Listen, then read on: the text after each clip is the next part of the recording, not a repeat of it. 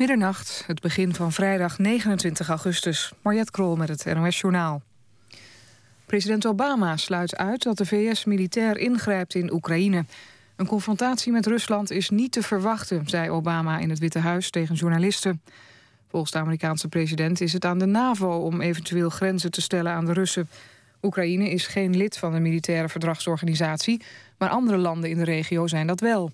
De afgelopen dag maakte de NAVO bekend dat er meer dan duizend Russische militairen actief zijn in Oekraïne aan de zijde van pro-Russische separatisten. Strijders van de Islamitische Staat hebben zeker vier gevangenen gemarteld door middel van waterboarding. Een van de vier was de Amerikaanse journalist James Foley, die later werd onthoofd. Dat schrijft de Amerikaanse krant The Washington Post. Bij waterboarding krijgt het slachtoffer een doek over zijn gezicht waar water overheen wordt gegoten. Het slachtoffer krijgt het gevoel dat hij verdrinkt. De Islamitische Staat zou de methode uit wraak gebruiken, omdat die door de Amerikanen is toegepast in het gevangenenkamp Guantanamo Bay. De koptische paus Tawadrous II is voor een tweedaags bezoek aangekomen in Nederland. Hij sprak in Stadskanaal op een bijeenkomst van koptische jongeren. Tawadrous is de geestelijk leider van zo'n 11 miljoen kopten in de wereld. De meeste van hen wonen in Egypte. In Nederland wonen ongeveer 6000 kopten. PSV en Feyenoord hebben de groepsfase van de Europa League bereikt. In Wit-Rusland wonnen de Eindhovenaren met 2-0 van Shakhtar Soligorsk... En Feyenoord won thuis met 4-3 van Zorya Lugansk. FC Twente is uitgeschakeld. Op eigen veld kwam de ploeg niet verder dan 1-1 tegen Karabach FK uit Azerbeidzjan. Ook voor PEC Zwolle is het Europese voetbal voorbij. De uitwedstrijd tegen Sparta Praag werd met 3-1 verloren. Dan het weer. Vannacht koelt het af tot 14 graden. De komende dag zonnige periode, maar ook kans op een bui. Het wordt 20 tot 22 graden. Dit was het NOS Journaal. NPO Radio 1. VPRO. Nooit meer slapen.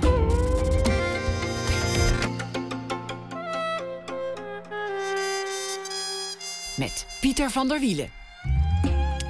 Goedenacht en welkom bij Nooit meer slapen. Over kappers gaan we het hebben en over slaven en bekertjes water en over eenzaamheid en over verlangen. Kappers, een documentaire en een fototentoonstelling op hetzelfde moment met toevallig hetzelfde onderwerp, namelijk wat zie je als je kijkt in de spiegel van de kapper. En water, dat wordt verplicht gratis vertrekt voortaan op festivals. Althans, in de hoofdstad is dat eh, vanaf heden verplicht. Bekijken wat de reacties zijn van de organisatoren.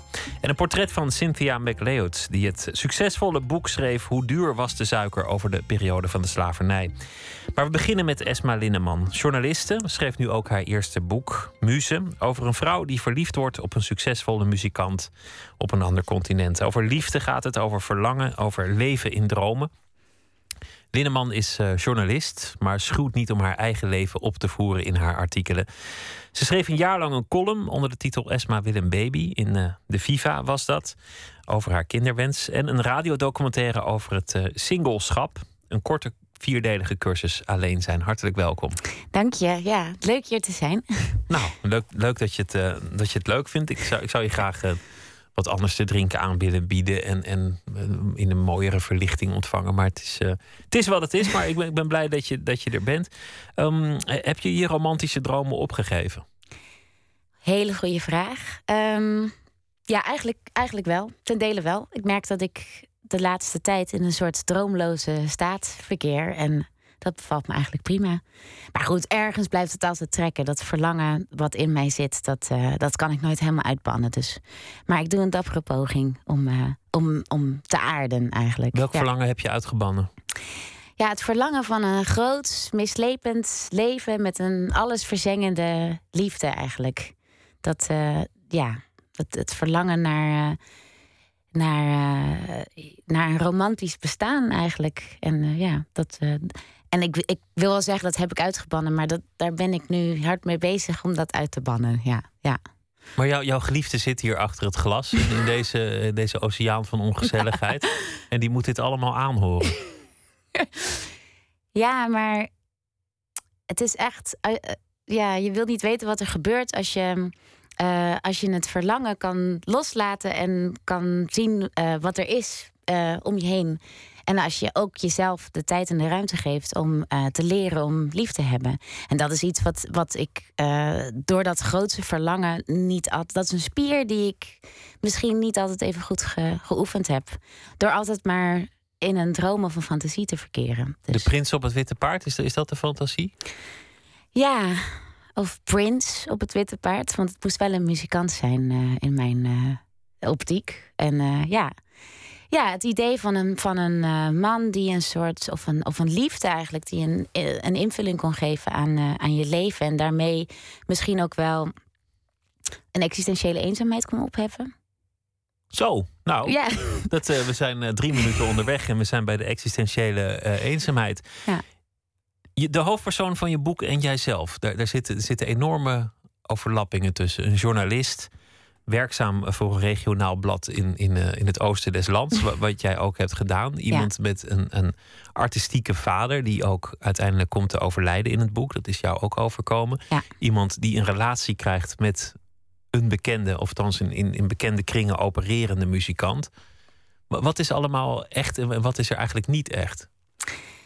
Um, nou, uh, ik, ik durf wel te zeggen dat het een, een, een boek is wat grotendeels autobiografisch is. Alleen, ik had ook wat ruimte nodig. Um, misschien om mijn eigen fantasie te laten werken, maar ook um, ja, om um, nou, bijvoorbeeld uh, gesprekken en, uh, en uh, gebeurtenissen die ik heb beleefd met mijn liefde, om die zelf in te kleuren. Ik heb natuurlijk nooit een bandje mee laten lopen. en in die zin kan er ook geen sprake zijn van hoor en wederhoor. Dus ja, het is echt wel uit mijn eigen leven ge, geput. Maar ehm, ja, tegelijkertijd had ik ook wel die fictie nodig. Misschien ook wel om de, om de andere hoofdpersoon in het boek te eh, te beschermen, zeg maar. Dus ja, er, er zit wat fictie-element in, maar het merendeels valt de hoofdpersoon samen met mij. Eigenlijk, ja. En daarbij is het ook wel een soort vervolg op jouw werk als journalist, omdat jij het soort journalist bent die zichzelf opvoert. Dat, dat, is, dat is iets wat begonnen is volgens mij in, in de jaren zestig al, in de New Journalism. Dat zijn ook al absoluut mijn helden. Ja. Tom Wolfe was, was, was er een van, maar je had, je Joan Didion. Ja. Precies. En, en dat werd steeds persoonlijker. Met andere woorden, jezelf niet opstellen als een autoriteit en, en de mensen een artikel geven, in, in de derde persoon uh, geschreven, maar je eigen ervaring erin betrekken. Ja, ja. En mijn grote voorbeeld Naast wat ik dus net al noemde, Joan Didion is uh, Nora Ephron. En die heeft een boek geschreven, wat een van mijn favoriete boeken is. Wat als het goed is binnenkort wordt vertaald in het Nederlands ook. Uh, Heartburn, misschien zegt het je wel wat. Het is ook verfilmd. En een soort matige film met uh, Jack Nicholson en Meryl Streep in de hoofdrol. En Heartburn is een, uh, een fantastisch liefdesverhaal. Eigenlijk volledig gebaseerd op haar huwelijk met Carl Bernstein van de Watergate Affair.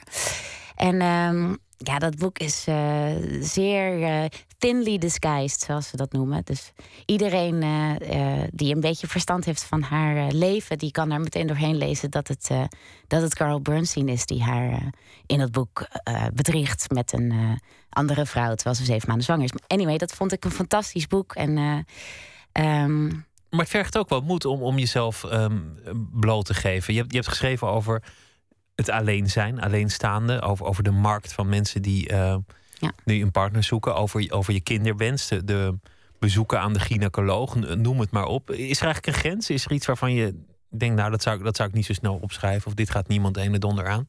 Ja, over rouw heb ik gemerkt. Dat is een hele rare ervaring. Uh, het komt ook in mijn boek voor. Mijn vader is uh, nou, aanstaande oktober, nu drie jaar geleden, overleden.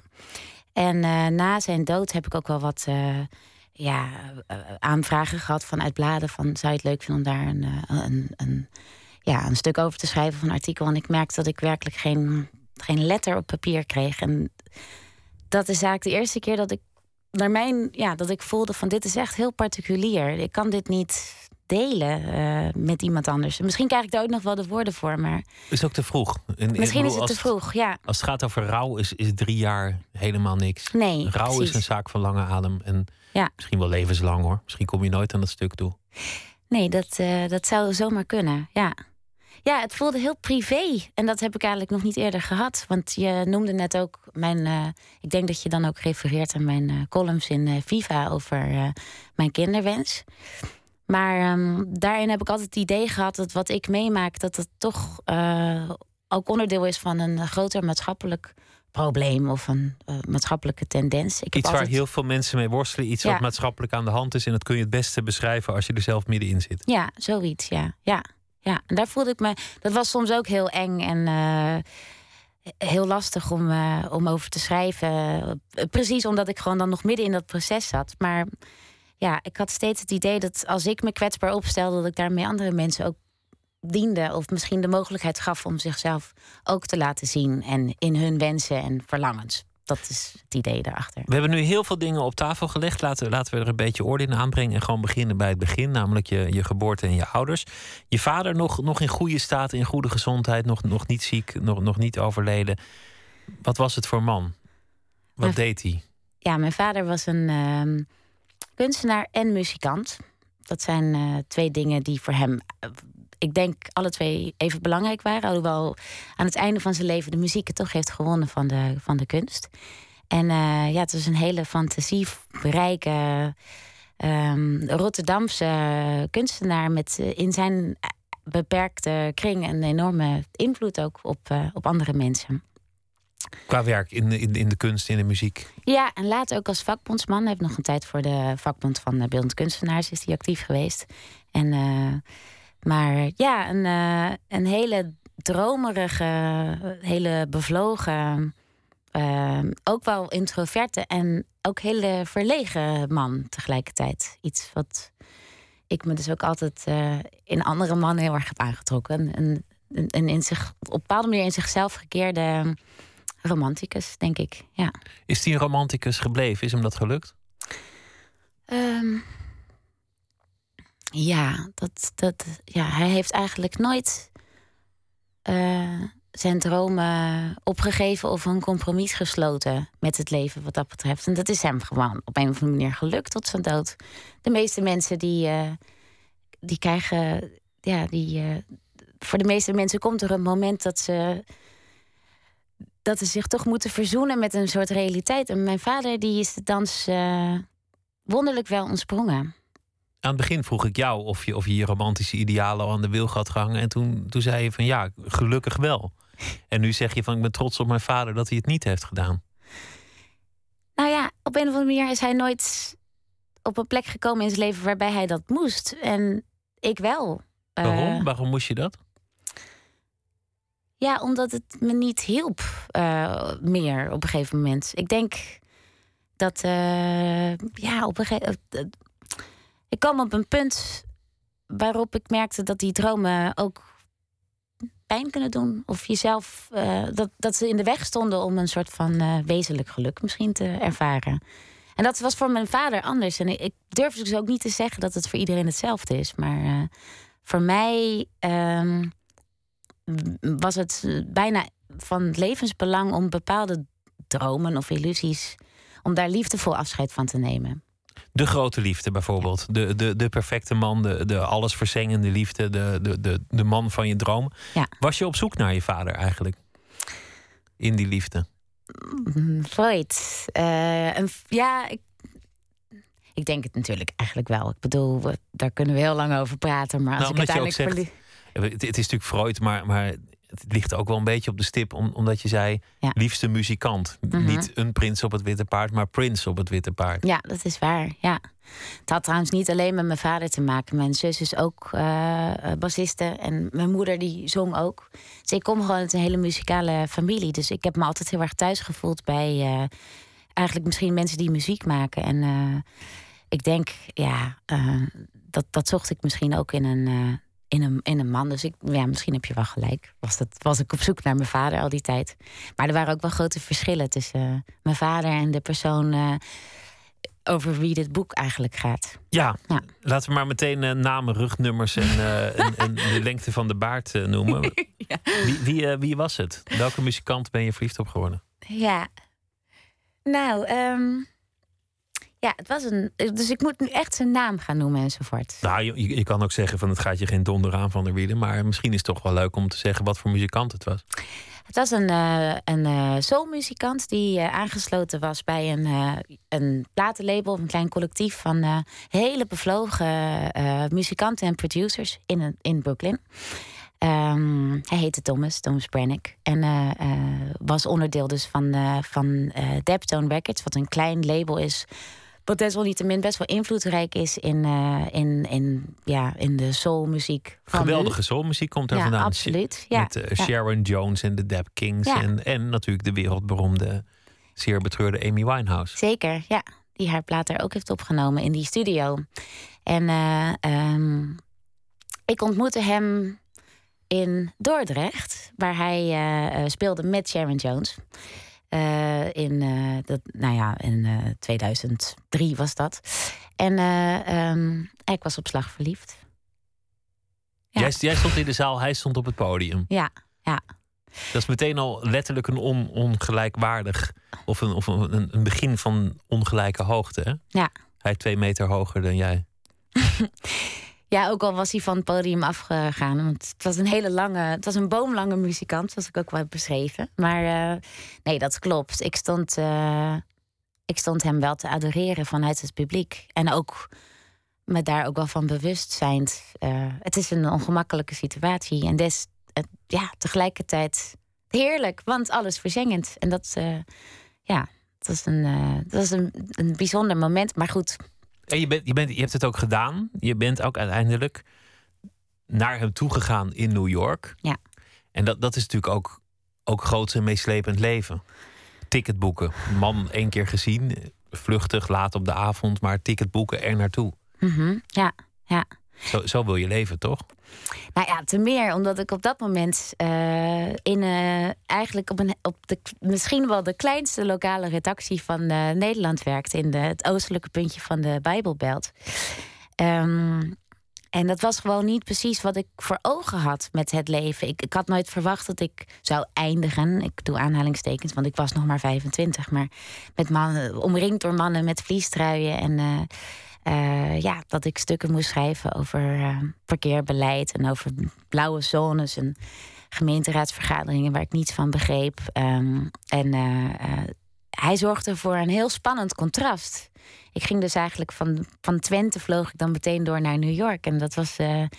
ja, dat. dat um... Ik denk dat dat het verlangen is dat voor een groot deel in, in liefde zit. Daar kunnen we het straks nog over hebben. Namelijk het verlangen naar een ander leven. je, Mhm. je hoopt op iemand anders die jou mee zal voeren weg uit jouw bestaan naar een, naar een nieuw bestaan. Ja, ja. En, en dat, nou ja, dat is misschien eigenlijk een, een oneigenlijk argument om op iemand verliefd te worden. Dat je eigenlijk een ander leven wil. Verander dan je leven. Ja. Heb je daar die jongen voor nodig. Maar goed, het was prachtig. Je ging er naartoe. Het is een geweldige muzikant. Je bent dus ook in de buurt geweest van Amy Winehouse. Hoe Ja. was dat? Wat, wat weet je daar nog van? Ehm, ja, dat was een hele gekke tijd. De eerste keer dat ik eh, hoorde over Amy Winehouse, stonden we, was mijn eh, vriend eh, in Nederland. En we waren aan het winkelen. in Amsterdam stonden we in een tweedehands eh, kledingzaak, alle twee in een pashokje. nou, kleding te passen. En toen, toen klonk zij dus door de, door de boxen. En toen zei Thomas, zei van... hé, hey, wat grappig, dat, dat, is een meisje die eh, bij ons eh, in de studio is geweest... eh, een paar maanden geleden. Hoe heette ze nou ook weer? Amy. Dus ik zei tegen hem van, nou, ik heb het al vaker gehoord. Volgens mij is dat best wel een succes. Dus hij, echt? Oh, oké. Ja, ja, het was wel heel aardig. ja, heel verlegen. Ze stotterde, zei hij. En daarna hebben we het ook gewoon niet meer erover gehad. En twee maanden later eh, was zij een doorslaand succes. En, eh, en, en was hij ook haar muzikant, of eh, haar gitarist op de tour in, in Amerika. Dus dat ging heel snel. Maar de argeloosheid waarmee zij die studio in was ge, geloodst, de plaat was gemaakt. De muzikanten hebben allemaal, geloof ik, 350 dollar gehad. Het was gewoon een, een sessie zoals zoveel sessies. Maar ja, dit werd iets heel anders. En Iets dat hadden ze allemaal ook. ook niet door. Nee. We gaan luisteren naar een, een, een liedje van die legendarische plaat. Waar je ook eh, jouw eh, ex-minnaar kunt, eh, kunt beluisteren op gitaar. En het, ehm, het nummer heet Back to Black.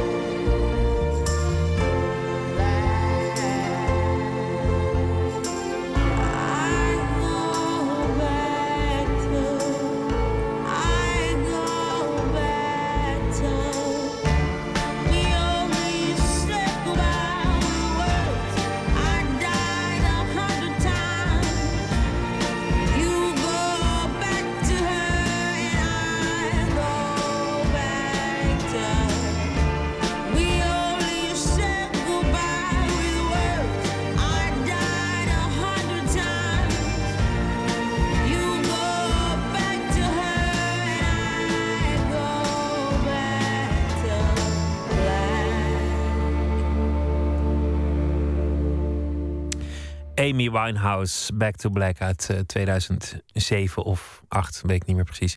Esma Linneman zit tegenover mij, heeft het eh, boek uh, Muze geschreven, een liefdesgeschiedenis in B mineur. Je hebt ook een uh, radiodocumentaire gemaakt en een korte vierdelige cursus Alleen zijn. Samen met Maartje Duin was dat. Ja. Ging over nou ja, de enorme hoeveelheid mensen die maar op zoek zijn naar een, naar een partner. En jullie dachten als journalisten, laten we daar iets mee doen en ook onszelf dan blootgeven.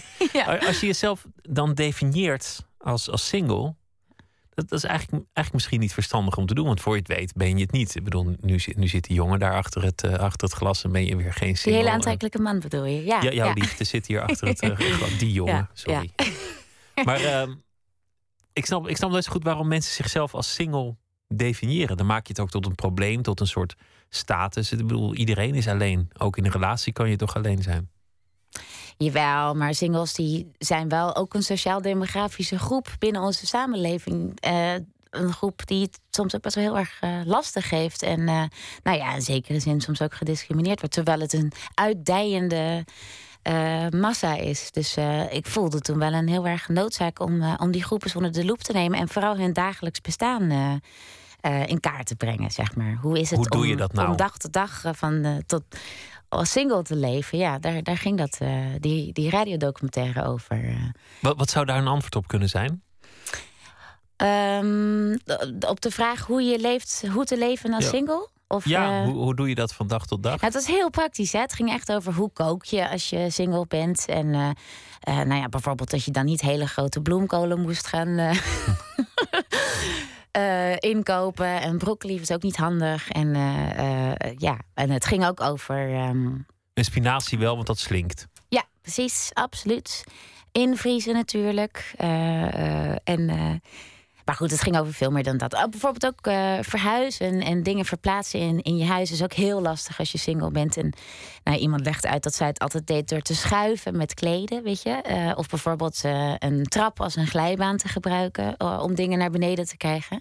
En dat waren allemaal hele praktische tips waar ontzettend veel mensen wat aan hebben gehad. Tot aan seks aan toe, hoe doe je ja. dat nou? Ehm, neem een minnaar of, of neem vooral geen minnaar of minnares of, of wat dan ook. Ja. En dan was je nog dubbele probleemcategorie, want in, in de FIFA had je een column Esma wil een baby over uh, een single met een kinderwens. Ja, ja, ja. Een jaar lang heb je dat uh, gedaan, maar halverwege het jaar kwam, kwam de liefde op je pad. Ja. Waarmee eigenlijk het, het onderwerp van, van de column meteen op de tocht kwam te staan. Ja, dat was heel erg. Uh, ja, vervelende timing dat ik verliefd werd toen. Want uh, ik had het toen eigenlijk net voor mekaar dat ik gewoon als single vrouw uh, op zoek was eigenlijk naar, uh, naar alternatieven. En daar voelde ik me eigenlijk heel prettig bij. En daar schreef ik ook leuk over. Als het gelegen komt, is het geen liefde, denk ik altijd. oh, denk jij dat? Ja, als, liefde moet ongelegen komen, anders moet je het wantrouwen. Ja, ja, dus liefde moet altijd ergens schuren of zo. Of ongemoeilijk zijn. Als je denkt, oh nee, niet ook nog eens verliefd. Dan, dan ben je verliefd. Als je denkt, ja, dat is bij, dit komt dan... helemaal niet uit, roep je dan. Ja, ja. ja. Nee, dat, is, dat klopt. Maar het zette wel, uh, ja, het zette voor mij wel een hele hoop dingen. Uh, uh, gooide het overhoop. Omdat ik daarmee eigenlijk weer terug bij af was. Ik was als, als single toen op zoek naar mogelijkheden om toch een kind te krijgen. Van wensvaders, dus homomannen die bijvoorbeeld waarmee, waarmee je het samen zou kunnen doen. De diepvries. Donorzaad uit Denemarken. Ehm, nou ja, al, iemand uit de kroeg. Waar, waarom Denemarken eigenlijk? Ja, Denemarken is de grootste uh, spermaleverancier uh, van de wereld, zeg maar. Uh, um... Waarom? Is, heeft dat iets met regels te maken of, of met, met de Deense man en, en de trekken die daaraan worden toegedicht? Alle twee. Um, uh, ten eerste is het in Denemarken nog uh, niet verboden om anoniem uh, zaad te doneren. Terwijl dat in Nederland natuurlijk wel hebben we daar een wet voor aangenomen. En ten tweede is er in Denemarken een, een cultuur rondom het zaad doneren die compleet anders is dan dan in Nederland en ook in menig ander land. Het wordt echt gezien als hetzelfde als bloed geven. Het is een altruïstische daad, iets wat je over hebt voor je medemens. En ik heb gelezen dat het zelfs een soort, als een soort van overgangsritueel wordt beschouwd. Dus ja, als je van een jongen naar een man gaat, dan, uh, dan, dan doneer je aan de, aan, aan de zaadbank, zeg maar. Ja. Als je, als je een, een eenzame vrouw, een alleenstaande, hoeft niet per se eenzaam, alleenstaande vrouw met een kinderwens bent en, en je schrijft erover, dan zit je echt in, in de frontlinie van ieders morele oordeel. Ja, klopt. Wat, ja. wat heb je daarvan meegekregen? Wat krijg je zo naar je hoofd geslingerd? Nou, dat. Um eigenlijk op elk feestje en, uh, uh, en elke ontmoeting waar meer dan twee mensen zijn, hebben mensen al snel een, een, oordeel klaar. Zodra ze weten dat jij single bent en bijvoorbeeld een kinderwens hebt, dan, dan ben je of heel erg egoïstisch om die kinderwens maar door te drukken, terwijl je niet de juiste omstandigheden hebt. Maar als je bijvoorbeeld zegt dat je single bent en geen kinderwens hebt, dan ben je vaak ook weer egoïstisch. Want dan denk je alleen maar aan jezelf en wil je jezelf niet voortplanten en je liefde niet doorgeven aan de volgende generatie. Uh, ja, uh, je hebt het vaak zelf gedaan. Je verlangens waren te groot, uh, je eisen waren te hoog. Um, of je eisen waren te laag. ja, er is een, een arsenaal aan, aan, aan, ethische bezwaren op een, op, een, op een single vrouw van boven de 30 in de Randstad met een kinderwens, laat ik het zo zeggen. Ja. En ook allemaal tegengestelde bezwaren. Dat vind ik helemaal mooi, want daaruit ja. kun je afleiden dat je het dus nooit goed zou kunnen doen. Nee, nou ja, nee, maar dat dacht ik ook. Ik kan het nooit goed doen. Maar zodra ik gewoon in de, eh, in, in een soort van reguliere setting zou komen met een man en een, eh, met wie ik samen een kind zou krijgen, dan doe je het eigenlijk altijd goed. Dus eh, ja, het is, Dat is gewoon uiteindelijk het, het, het oerburgerlijke ideaal: huisje, boompje, beestje, Opel Cadet kind. ja, Of maar het is ook zo begrijpelijk. Ik bedoel, de meeste mensen die ik ken, komen ook uit een gezin met een vader en een moeder. Ik zelf ook. Dus dat is toch logisch dat dat ook de blauwdruk is. Die iedereen maar aan het propageren is. eh, en, en, en iedereen ook voor een ander wens en soms heel dwingend oplegt. Ik snap dat ook eigenlijk heel goed. Is dat ook waar een kinderwens vandaan komt? Een, een soort blauwdruk van het leven of een ideaal uit de jeugd? Ehm, ja, want ik denk dat een. eh, sommige mensen zeggen van de hormonen spelen op, of het kriebelt, of in het Engels zeggen ze dan dat je broody bent. Maar ik geloof dat, dat wetenschappers en onderzoeken nog nooit hebben kunnen vaststellen dat er zoiets bestaat als een kinderwens, wat je zeg maar in je lichaam zou kunnen vaststellen. Dus er is niet een biologische drive die je kunt eh, peilen op eh, een hormoonhoeveelheid of zo. eh, terwijl dat er bijvoorbeeld wel is voor moederliefde. Dat is, dat is meteen zichtbaar in je bloed zodra je een kind krijgt. Maar de voortplantingsdrift niet. Nee. Dus, eh, En ik- trouwens, alsof je niet aan je natuur zou kunnen onttrekken. Dat vind, vind ik ook zo'n primitieve gedachte. Alsof, we, alsof je altijd maar je instincten zou moeten volgen. Ja, nee. Ik bedoel, dat geldt voor een hond en een kat, maar dat is nou net wat de mens onderscheidt. Ja, we hebben natuurlijk uiteindelijk een, eh, eh, een, eh, het vermogen gekregen om te reflecteren. En we, hebben- we, we zijn ons van onszelf bewust. En daarmee valt elke vergelijking met de natuur eigenlijk meteen dood, wat mij betreft. Maar, ehm, Maar toch had je een kinderwens. Dus, dus wat, wat is het in essentie een kinderwens? Hoe, hoe moet ik dat zien? Ehm, ja, voor mij is een kinder. Ja, het is natuurlijk heel persoonlijk, maar voor mij is een kinderwens wel ehm, het idee dat ik alles wil ervaren in het leven. Misschien eh, ja, een, een behoefte om ervaringen op te doen. En zeker als je aan de kant van de dood hebt gestaan en, en die ervaring ten volste hebt meegemaakt dan, eh, eh, en dan, dan wil ik niet zoetsappig of cliché worden, maar dan zou je ook die andere kant mee willen maken, de, de geboorte. En daarmee misschien die cirkel een keer ervaren, zeg maar. Eh, voor, ja, dus voor mij is het, ik denk dat ik, ik vind het gewoon een, eh, een, een onderdeel van het leven wat ik niet wil missen. Maar dat klinkt toch als een romantisch ideaal. Terwijl je aan het begin zei: Ik ben blij dat ik van mijn romantische idealen af ben. Ja. Of is het geen romantisch ideaal? Om eh, de essentie van het leven te begrijpen. En Nou ja, als je om- dan dus de dood hebt gehad, dat je dan het leven wil ervaren. Want dat is het natuurlijk Nou eigenlijk. ja, maar je praat Ja. in romantische termen over, over, over geboorte en, en voortplanting en kinderen en Ja, ja. nazaten. Nou ja, ik heb het idee dat ik de wereld misschien beter begrijp als ik zelf eh, ooit de gelegenheid krijg om, om een moeder te worden. Dus het is ook een soort kennis waar ik naar verlang. Het is wel een verlangen natuurlijk, maar ehm, ik vind het gewoon. eh, ik denk dat het ook een helderheid gaat eh, verschaffen voor mij over ja, wat, wat een soort van kern is van ons bestaan hier. Het is misschien, het klinkt een beetje hoogdravend, maar het voelt voor mij als. In biologische Oh. zin heb je gelijk. Dat is je functie op aarde is, is voortplanten wegwezen. Ja, Voortplanten grootbrengen wegwezen. dat zijn jouw woorden, want dat weet ik helemaal niet. Nou ja, dat, is- dat is toch wat, wat de muisjes en, en de bijtjes en, en de planktonnetjes en, en wat iedereen doet. Ja, maar we hadden ons nou net gedistanceerd van die natuur, Oh ja, toch? Dat is waar. wat, wat is Dus- jouw, jouw, jouw vriend? Hè? Want je, hebt- je hebt nu een liefde. Wat als die dan zou zeggen: ik, ik ben dol op je, ik vind het geweldig. Ik wil de rest van mijn leven met je doorbrengen als het ons gegeven is. Maar dat kind, dat, dat hoeft voor mij even niet. Ehm, nou, ehm, dat is op dit moment ook een beetje de situatie. Dus wat dat betreft eh, nou, sla je de spijker op zijn kop. Ehm, en hij luistert, dus dat komt helemaal goed uit. Ja. Eh, nou, ik denk, eh, eh, ehm, als ik voor mezelf mag spreken, ik ben nu 36. Ehm, ik denk dat veel vrouwen met mij, maar ik zeker ook, een, een gevoel van enorme haast hebben. Die is niet helemaal gegrond. Op zich heb Nou, een ik, beetje wel. Er, zit, er, zit een, er is een biologische deadline. Ja, maar die is niet zo hard als dat er altijd wordt geroepen en wordt, over wordt geschreven eh, in de media. En ook is die niet zo hard als wat de meeste gynaecologen zeggen. Op zich heb ik gewoon nog een paar jaar te gaan. Dus ik heb wel tijd. Maar het is wel heel erg eh, lastig. En soms vind ik het ook eh, ja, oneerlijk. Of ben ik, zou ik me afvraag hoe de wereld eruit zou zien als zowel mannen als vrouwen zich voor eeuwig zouden kunnen voortplanten, dan zou ook de relatiemarkt er volgens mij heel anders uitzien. Want ja, ik moet het gewoon doen tussen mijn nou ja, dertigste en veertigste. En voor, voor mannen geldt dat niet. Dus dat is toch iets waar ik uit moet komen uh, met iemand.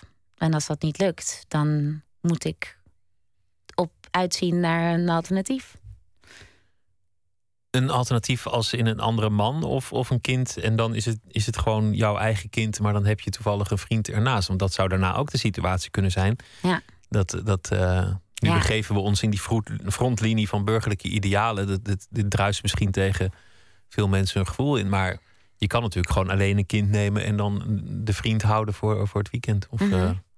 ja. als de oppasser is. Ja, ik ken iemand die. Uh die dat, of tenminste, ik heb gehoord in mijn kring van iemand die dat ook heeft gedaan. Die een man had die uh, absoluut geen kinderen meer wilde. Die had er al drie. En uiteindelijk heeft zij dus, is zij uitgeweken dus naar de, uh, spermabank. En zij heeft dus nu een kind. En is ook nog steeds in die relatie met die man. En dat gaat hartstikke goed.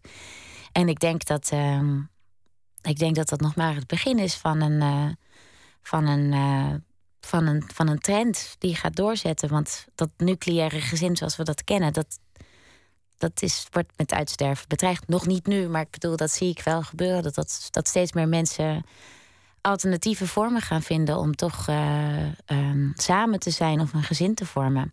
Maar mensen willen heel veel. Mensen, mensen willen en, en een loopbaan en een leuk leven en dat lang volhouden en, en jong zijn. En ja. ja, daar schieten andere dingen bij in. En dan op, op een zeker punt is er haast. Bedoel je mensen of vrouwen? Als je dit Nou, nu zegt. Vrouwen, ja, god, die, die mannen die kunnen dan op de zestigste, maar de- dan kunnen ze natuurlijk ook nog een kind krijgen met iemand die. eh, Mm. En dat doen ja, ze ook, toch? En dat doen ze ook nog Dus die mannen die zijn dat altijd al gewend om eh, al die, Die- die- dingen ja, allemaal te doen. Alleen die zijn wij... biologisch wat minder Ja. gehandicapt op dat, Precies, op ja. dat vlak. En voor vrouwen is dat nog steeds een hele lastige positie. Dat je nogmaals je, tussen je dertigste en je veertigste niet alleen je kinderwens moet vervullen, maar ook carrière moet maken en jezelf op andere manieren ontplooien. Dat is gewoon een hele lastige tien jaar. En ik zou blij zijn als het eh, achter de rug is, om eerlijk te zijn. Denk je nooit, wat heb ik me op de hals gehad door er een, een column over te gaan schrijven en, en door de artikelen over te schrijven en door mezelf op te voeren in mijn eigen journalistiek? Want, want je roept ook dit soort vragen, nu, nu zit ik erin te peuren, die, die roep je ook over je af. Ja, ja. Nou, soms zou ik het wel leuk vinden als er meer een dialoog is in dit soort gesprekken. Dus dat jij bijvoorbeeld dan ook iets vertelt over hoe het met jouw kinderwens staat. Nou, daar kan ik heel kort over zijn, want die is er niet. Oké, nou dat Ja. is heel duidelijk. Dat lijkt me ook heerlijk. Geen kinderwens. Nee, Ja, hoewel als er ooit, als er ooit een pukkelige tiener aanbelt en die zegt: Je bent mijn vader klootzak, waar was je al die tijd? Dat, dat, zou, dat zou ik leuk vinden. oké, Ja. ja. Dat is niet aan de hand, denk ik. ik. Ik heb altijd iedereen redelijk nog wel eens tegengekomen en zo. Maar nee, kinderwens, ik heb dat niet zo. Maar je bedoelt te zeggen, als het aan de orde zou zijn, dan zou je er ook mee dealen en misschien nog wel een soort levensvreugde uithalen. Als het opeens blijkt dat dat toch zo is gegaan, dat je een kind hebt. Ja. het leven gaat altijd anders dan, dan jij denkt. En, eh, Zeker, ja, ja. en dan, dan blijkt het uiteindelijk ook wel weer leuk te zijn. Maar ik, nee, ik heb, geen, ik heb absoluut geen kinderwens. Nee, nou, bless you. Want het is een hoop gezeur aan je hoofd. Ja, Toch? Ja. Zullen we, eh, we moeten nog eh, het Ja. hebben over je boek en, en over, eh, over heel veel andere onderwerpen. Maar laten we ook luisteren naar muziek. Want je boek staat enorm vol met muziek. Heel veel artiesten. ehm, waaronder Bessie Smith. Wat wil je daarover zeggen? Nobody knows you when you're out. Ehm, ja, gewoon een van de, nou ja, zo niet eigenlijk de beste blueszangeres die, de, die er in mijn optiek bestaat. En eh, daarnaast heb ik daar een hele persoonlijke band mee, omdat eh, mijn moeder en mijn vader een tijd samen in een band hebben gespeeld. En toen zong mijn moeder altijd liedjes van Bessie Smith. Dus voor mij is dat een, eh, ja, een soort thuisgevoel. En het is ook prachtig. We gaan luisteren.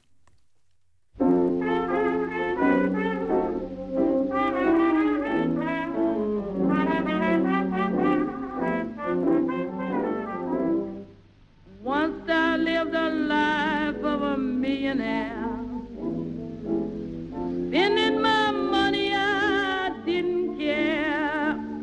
I carried my friends out for a good time, buying bootleg liquor, champagne and wine. When I begin to fall so low. I didn't have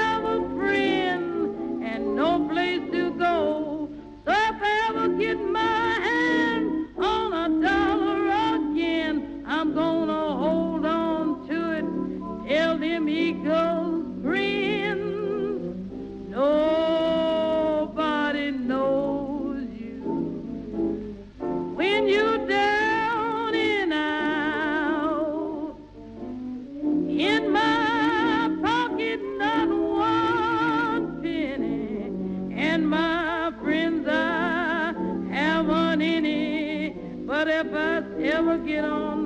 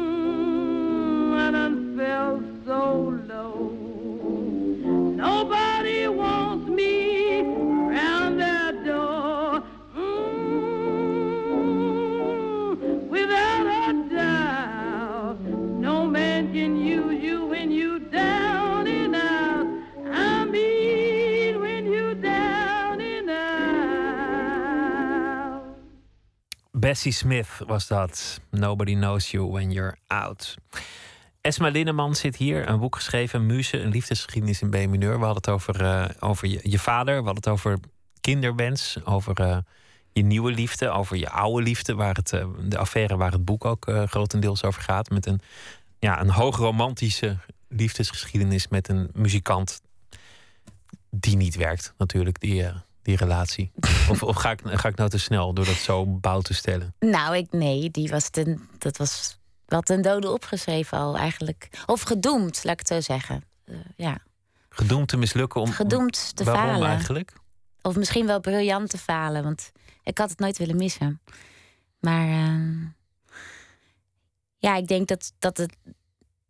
Nou ja, de romanticus in mij vond de romanticus in hem. En samen maakten we er gewoon een ontzettend potje van eigenlijk. Dat eh, durf ik wel te stellen. En misschien ook wat je eerder zei over eh, die ongelijkheid tussen een meisje in het publiek en een man op het podium. Ehm, dat is er eentje die eh, voor heel veel mensen wel heeft gewerkt, maar voor, voor mij werkte die toch niet. En daar zit ook wel een beetje het lastige in mij, of een soort van tweestrijd. Dat ik aan de ene kant dan misschien een, een, inspirator wilde of een hele sterke man. En tegelijkertijd ook gewoon door een hele eh geëmancipeerde moeder ben opgevoed. En heb, ook heb geleerd om eh, mezelf te ontplooien of zelf te leven. En dat, dat wrong te veel eigenlijk. Je vraagt je ook af in het boek: ben ik niet een groepie? Ja. Het is een, een angstige vraag die door het hoofd dolt. Van, want het woord wordt ook in muzikantenkringen met een zeker dédain uitgesproken: een groepie. Ja. Een vrouw die zich op de muzikanten stort. Ja, ja. Ben je er dan niet één van? Ja, dat is een enge vraag. Ja.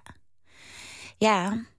Tegelijkertijd vind ik die, eh, ehm, dat dédain waarmee muzikanten over groupies praten zelf ook heel misplaatst. Want ik heb zo vaak meegemaakt hoe eenzaam eh, muzikanten zijn eigenlijk eh, als ze door Europa toeren. En ze komen bijvoorbeeld uit Amerika en altijd naar die flats, eh, TL-verlichte hotelkamers terug moeten. En hoe ontzettend zij ook eh, wederzijds eigenlijk afhankelijk zijn van die vrouwen die elke avond weer komen opdagen. En die, die hun misschien eventjes voor een nacht kunnen laten vergeten dat ze Dat ze helemaal alleen en geïsoleerd eh, van hun familie eh, aan het toeren zijn in een land waarvan ze de naam niet kunnen uitspreken. Dus ja, Ja, en je begint elke avond met een schone lei, waardoor je ook elke avond weer opnieuw kunt beginnen, waardoor je eigenlijk nergens verantwoordelijkheden opbouwt. ja, dat denk ik ook. Ja, ja. Maar het is echt wederzijds. Ja. Het is niet.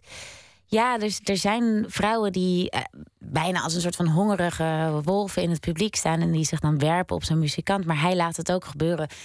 Ik zou willen zeggen zij, maar het, het is nog steeds een dynamiek die zich vooral tussen eh, vrouwen en eh, vrouwelijke fans en, en mannen afspeelt.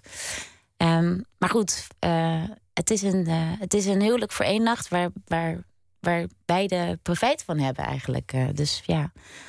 Maar goed, ik vroeg me dus af of ik een groupie was. En ja, dat, daar ben ik eigenlijk nog steeds niet helemaal over uit. Nee, maar je was niet de enige. Dat, eh, dat is dan iets wat je, wat je. Althans in het boek, de hoofdpersoon was niet de enige. Nee, zeker niet. Nee, nee. En wat ik wel. ehm, ehm, ik heb natuurlijk ook alle andere vrouwen in de entourage van die band eh, leren kennen. En ik vond dat ze wel veel gemeen hadden. Het waren veel vrouwen die ook een soort van droom hadden van. eh, ja, van een, een wat groter bestaan dan hun eigen moeder had geleid. En tegelijkertijd vastzaten door eh, dat hun talenten bijvoorbeeld niet duidelijk genoeg eh, eh, in één punt stonden, zeg maar. Of ja, dat ze niet duidelijk genoeg wisten wat ze met, met zichzelf aan moesten om, om zichzelf eigenlijk te verheffen, zeg maar. En daarom hun toevlucht, toevlucht misschien in een man zochten. Dat herkende ik wel in andere vrouwen van de band, zeg maar. Ja. Dat, dat lijkt me een, een wijze les dat je het niet in een ander moet zoeken, maar eerst in jezelf. Dat je moet realiseren dat je zelf.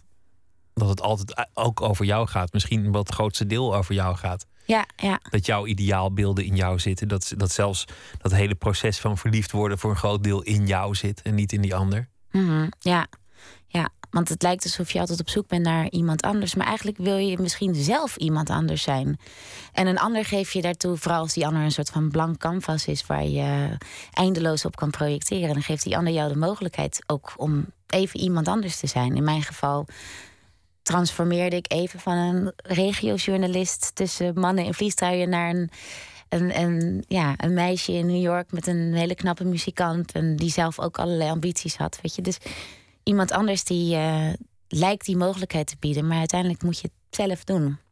Of het hoeft niet, maar dan mis je iets. Dan loop je, dan geef je jezelf niet de kans eigenlijk om misschien voluit te leven. In de scheikunde heb je eh, vrije radicalen. Dat is een, een molecuul dat niet compleet is. Dat mist een atoom en moet zich altijd hechten aan een ander molecuul om compleet te zijn. En dat zijn hele reactieve stoffen, heel onrustig. Ja. Zo wil je niet zelf in het leven staan, denk ik uiteindelijk. Dus je moet, je moet toch zorgen dat je, dat je zelf je leven verandert. Dat je zelf vervulling in jezelf vindt. Tegelijkertijd denk ik wel dat alle mensen vrije radicalen zijn. Ja, want eh. niemand is volledig autonoom. Nee, man, we zijn, sorry, maar we zijn allemaal eh, geboren ook- vanuit een symbiose. En dat wordt op een gegeven moment doorbroken als je, als je klein bent. Dat je je realiseert dat jij en je moeder niet dezelfde zijn. En dat zorgt voor een leegte die je je leven lang probeert op te vullen. En in mijn geval deed ik dat met een muzikant. Maar Ja, want geboren is- worden kun je ook niet alleen. Doodgaan kan je prima wel alleen, maar geboren worden alleen, dat, dat is ja, sterker lastig. nog, doodgaan is heel moeilijk om met z'n tweeën te doen. Want er is Ja. toch meestal maar één die doodgaat. Zelfs Ja. al ga je eh, met z'n allen in een bus het ravijn in, dan nog ga je alleen dood. Is dat laatste moment alleen? Ja. Daar heb je bij gestaan. Je, je vader, dat zei je net, drie jaar geleden overleden aan een zeldzame vorm van kanker. Ook daar heb je een artikel over geschreven om, om eh, nou ja, wel een zinnige klacht te uiten aan, aan het adres van de Nederlandse zorg. Ja. Namelijk dat er heel rationeel wordt beslist wie nog een behandeling krijgt en of het nog waarde heeft, die behandeling. Terwijl het uiteindelijk over mensen gaat en kostbare tijd Mhm. voor die mensen. Maar je zei ook, het heeft mij veranderd. Ik ben anders naar het leven gaan kijken nu ik die dood heb gezien of aan, aan de kant van de dood heb gestaan. Ja. In welke zin heeft dat jou veranderd? Behalve de gedachte van, van een, kind krijgen is heel wezenlijk. Ja, ehm, het heeft me. Ja, het maakt je enorm nederig, de dood, denk ik. Ehm, maar het heeft me ook veranderd. In de zin dat toen ik op mijn vaders begrafenis was. eh, het was een soort herdenkingsdienst in een, eh, in een kerkje in Rotterdam. En er waren heel veel kunstenaars en muzikanten gekomen. Er is de hele avond muziek ge- gemaakt en uh, gespeecht. En ehm, zoveel verschillende mensen hadden iets te vertellen over mijn vader. En aan het eind van die rit dacht ik wel van. eh, ik had bijna een soort van haastgevoel van. eh, nou, ik, moet, ik moet ook maar snel gaan beginnen met, eh, met leven en, en ervaringen opdoen. En het gekke is dat ik daar meteen een contrast voelde met dat, met dat dromen of zo. En de, voortdurend in, eh, in illusies zitten. Je moet het zelf doen. Ehm, mijn vader heeft zelf geschilderd en zelf muziek gemaakt. En ik kreeg opeens een ontzettende drang om ook zelf te scheppen. Eh, hoe feilbaar ik ook ben in dat schep, scheppen, zeg maar. maar Nou, je, dat hebt ik een, dat... je hebt een boek geschreven, om maar eens wat te noemen. Ja, ja. Nou, dat had ik niet gedaan als mijn vader niet was overleden, denk Want, ik. want dat is het, het meest banale aan de dood. Ineens is het een leven, als, als een verhaal. Ja. Een verhaal met een begin en een einde en, en een paar hoofdstukken en hoogte- en dieptepunten. Ja, ja. Je bedoelt mijn vaders. eh, Ieders leven. eh, Ja. Iemand gaat dood en ineens dan, dan zie je daar als een soort beschilderd canvas iemands leven. mhm, ja. ja, dat heeft iets heel banaals. Maar aan de andere kant zijn wij zo geprogrammeerd om te denken in verhalen dat eh, ik denk niet dat dat ooit verdwijnt. En, en op zo'n begrafenis merk je wel in hoeverre je leven eigenlijk wordt teruggeleid tot één narratief, zeg maar. Maar eh, ja, het ontnam mij niet aan de levensvreugde om zelf een- ook een verhaal te, schrijven. Eh, maar dan wat actiever. Dus niet af te wachten totdat iemand anders dat verhaal ging inkleuren of invullen. eh, maar Maar dat leven in idealen, in, in het nastreven van een beeld, of het nou gaat om, om, Mhm. om de perfecte man, of het, of het grootste leven wat, wat je zelf ontbeert op de regio-redactie in Twente, of, of het kind, of het, of het gelukkige gezin. Je zegt ook van, ik, ik zag ineens dat ik het nu moet gaan doen. Dat ik wacht op het ideaal en dat intussen van alles samen voorbij trekt. ja, het is een hele passieve rol om, om in, in dromen te zitten en niks eh, voor jezelf waar te maken. Dat, eh, ehm, dat, ja, dat kun je op zich voor eeuwig volhouden, maar eh, dan, hou je zo, dan laat je zo weinig tastbaars na misschien. Ik, eh, ja, ik had zelf een enorme behoefte om, ja, om zelf vorm te geven aan mijn eigen leven. En dat, dat ja, dat, dat, ik denk dat dat echt met, met die doodservaring te maken heeft. En Maar eigenlijk doe je dat natuurlijk gewoon elke dag. Elke dag dat je opstaat, geef je vorm aan je leven. Ja.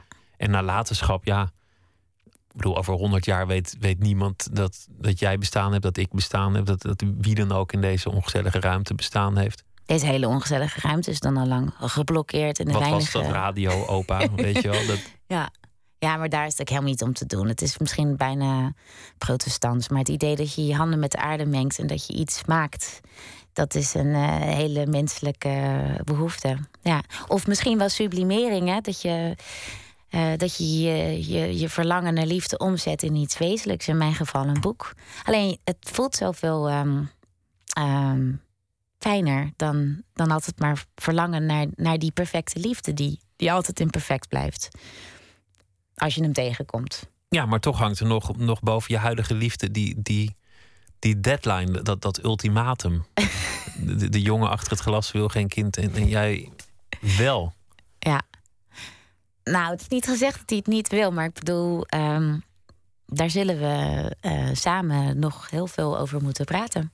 En eh, wie weet waar dat toe leidt. Misschien, eh, ja, ik kan dat niet voorspellen. Alleen wat ik heb geleerd in mijn huidige relatie en wat ik in, in de relatie met die muzikant eigenlijk merkte dat ik dat weinig aandacht aan besteedde, was dat ik zelf. ehm, ehm, ja, dat ik eigenlijk zelf eerst moet liefhebben voordat je het kan ontvangen, eigenlijk. En ik vind dat we eigenlijk ook met z'n allen zo gefixeerd zijn op het ontvangen van liefde. Het gaat eigenlijk altijd over, over het krijgen en nooit over het geven. En misschien in die kinderwens eh, moet ik ook niet gaan eh, op de grond gaan stampen en zeggen van ik wil een kind. Maar eh, moet ik misschien eerst laten zien wat ik zelf te bieden heb. Nou, het is een moeilijk probleem. Dat, Ja. dat, dat, dat zie ik wel. Het is, het is ook wel waar dat mensen altijd in de liefde, hoewel het gaat natuurlijk, als, als het liefde zou zijn, is liefde ook een zekere mate van zelfopoffering en iets wat je geeft. Mhm. Maar aan het eind van de relatie blijkt er toch altijd ergens een soort boekhouder te hebben meegelopen die precies heeft genoteerd welke opoffering er is gemaakt en gegeven. Ja, mensen houden dat altijd eh, Tot, tot cijfers achter de komma bij. houden ze dat bij. Ja, dat is een gedeelte waar ik veel van af weet. En dat, eh, dat lijstje krijg je dan toch altijd om je oren. Ja, en jij was toen al niet. eh, Ja, en die ene keer dit Ja, had je dit. ja. Nou, En toen heb ik twee uur op je staan wachten. Ja. Maar mensen hebben heel weinig eh, zelfreflectie over wat ze, wat ze zelf eigenlijk eh, deden in die relatie die op de klippen is gelopen. En ja, ik ook. Want ik was ook alleen maar aan bezig met te ontvangen. Eh, eh, eh, in die relatie die ik beschrijf in het boek, vind ik, achteraf gezien. en bezig met, met dromen van een groot leven. Maar ja, Ja. weet je, je hebt het wel gedaan. En, en dat is toch uiteindelijk waar het over gaat. Dat je dat, je, dat, je dat ticket koopt en, en naar, naar die jongen toe gaat. En daar uiteindelijk misschien bedonderd van terugkomt. Maar uiteindelijk zijn al die. Al dat falen op een rij, dat is dan uiteindelijk je leven. En dan is het toch wel mooi. Ja, ja en het is een verhaal. En, dat is is, een- wat je ook wilt. Het is ja. ook weer een goed verhaal. Ja, En je zit nu hier met, een- met een boek en, eh, en, een, en een nieuwe liefde ja. achter, achter het glas.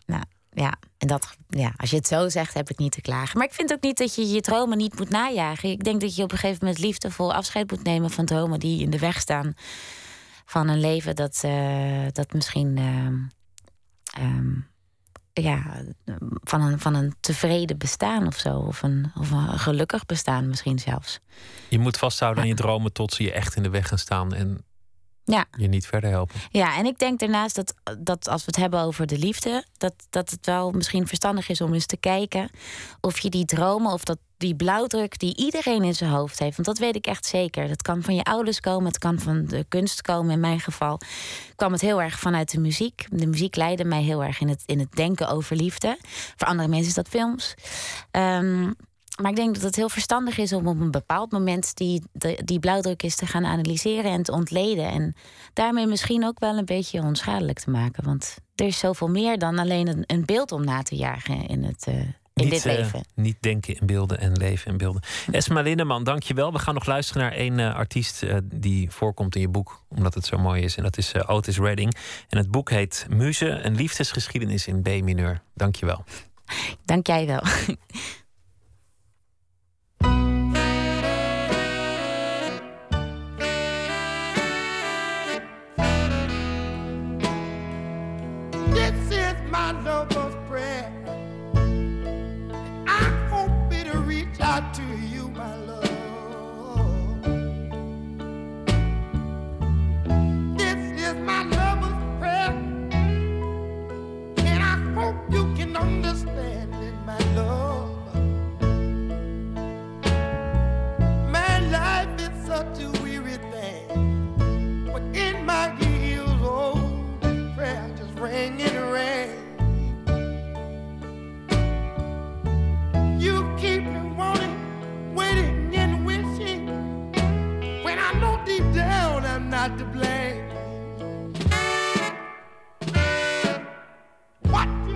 gonna do tonight? When you need some loving arms to hold you tight. Tell me what you gonna do tonight when you need my heavy voice to tell you goodnight. Honey, but you can't let that be no problem. You got to come on home and help me solve. I won't be missing you. And honey, my love will be all over. Oh man.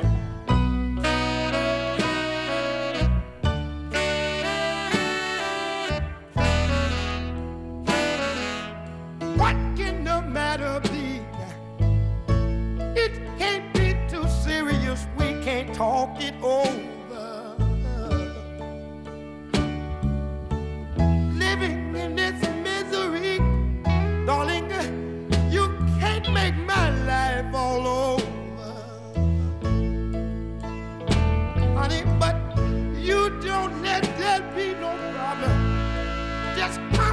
home and help me solve.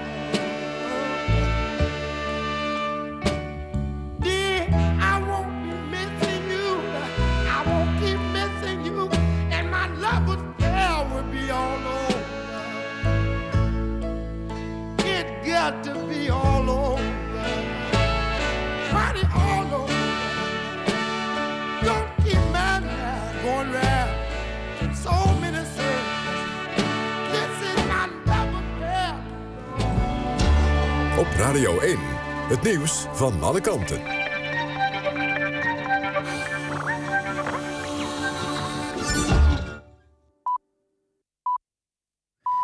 1 uur, Mariette Krol met het NOS-journaal. President Obama sluit uit dat de VS militair ingrijpt in Oekraïne. Een confrontatie met Rusland is niet te verwachten, zei Obama in het Witte Huis tegen journalisten. Volgens de Amerikaanse president is het aan de NAVO om eventueel grenzen te stellen aan de Russen. Oekraïne is geen lid van de militaire verdragsorganisatie, maar andere landen in de regio zijn dat wel. De afgelopen dag maakte de NAVO bekend dat er meer dan duizend Russische militairen actief zijn in Oekraïne. Het Rijk gaat zich actief bemoeien met de tientallen gemeenten die de jeugdzorg maar niet geregeld krijgen. De eerste stap is dat deskundigen gaan meekijken. Mocht dat niet helpen, dan kan de gemeente onder curatele komen te staan. Voor Jeugdzorg Nederland gaat die aanpak nog niet ver genoeg. De organisatie pleit voor een noodwet om de zorg aan kwetsbare kinderen te garanderen. Veel zorginstellingen weten nog steeds niet wat gemeenten precies willen met de jeugdzorg na 1 januari, als de gemeenten de verantwoordelijkheid ervoor overnemen van het Rijk. Steeds meer mensen betalen hun rekeningen niet op tijd. Tijdens, sinds het uitbreken van de crisis in 2008 groeit het aantal Nederlanders met betalingsproblemen. Inmiddels zijn er bijna 760.000 Nederlanders met een betalingsachterstand op een lening. De meeste komen in de schulden na een echtscheiding of doordat ze geen werk hebben. Strijders van de Islamitische Staat hebben zeker vier gevangenen gemarteld door middel van waterboarding. Een van de vier was de Amerikaanse journalist James Foley, die later werd onthoofd. Dat schrijft de Amerikaanse krant The Washington Post. Bij waterboarding krijgt het slachtoffer een doek over zijn gezicht waar water overheen wordt gegoten. Het slachtoffer krijgt het gevoel dat hij verdrinkt. De Islamitische Staat zou de methode uit wraak gebruiken, omdat hij door de Amerikanen is toegepast in het gevangenenkamp Guantanamo Bay. Het weer, vannacht koelt het af tot 14 graden. De komende dag zonnige periode, maar ook kans op een bui. Het wordt 20 tot 22 graden. Dit was het NOS Journaal. NPO Radio 1. VPRO. Nooit meer slapen.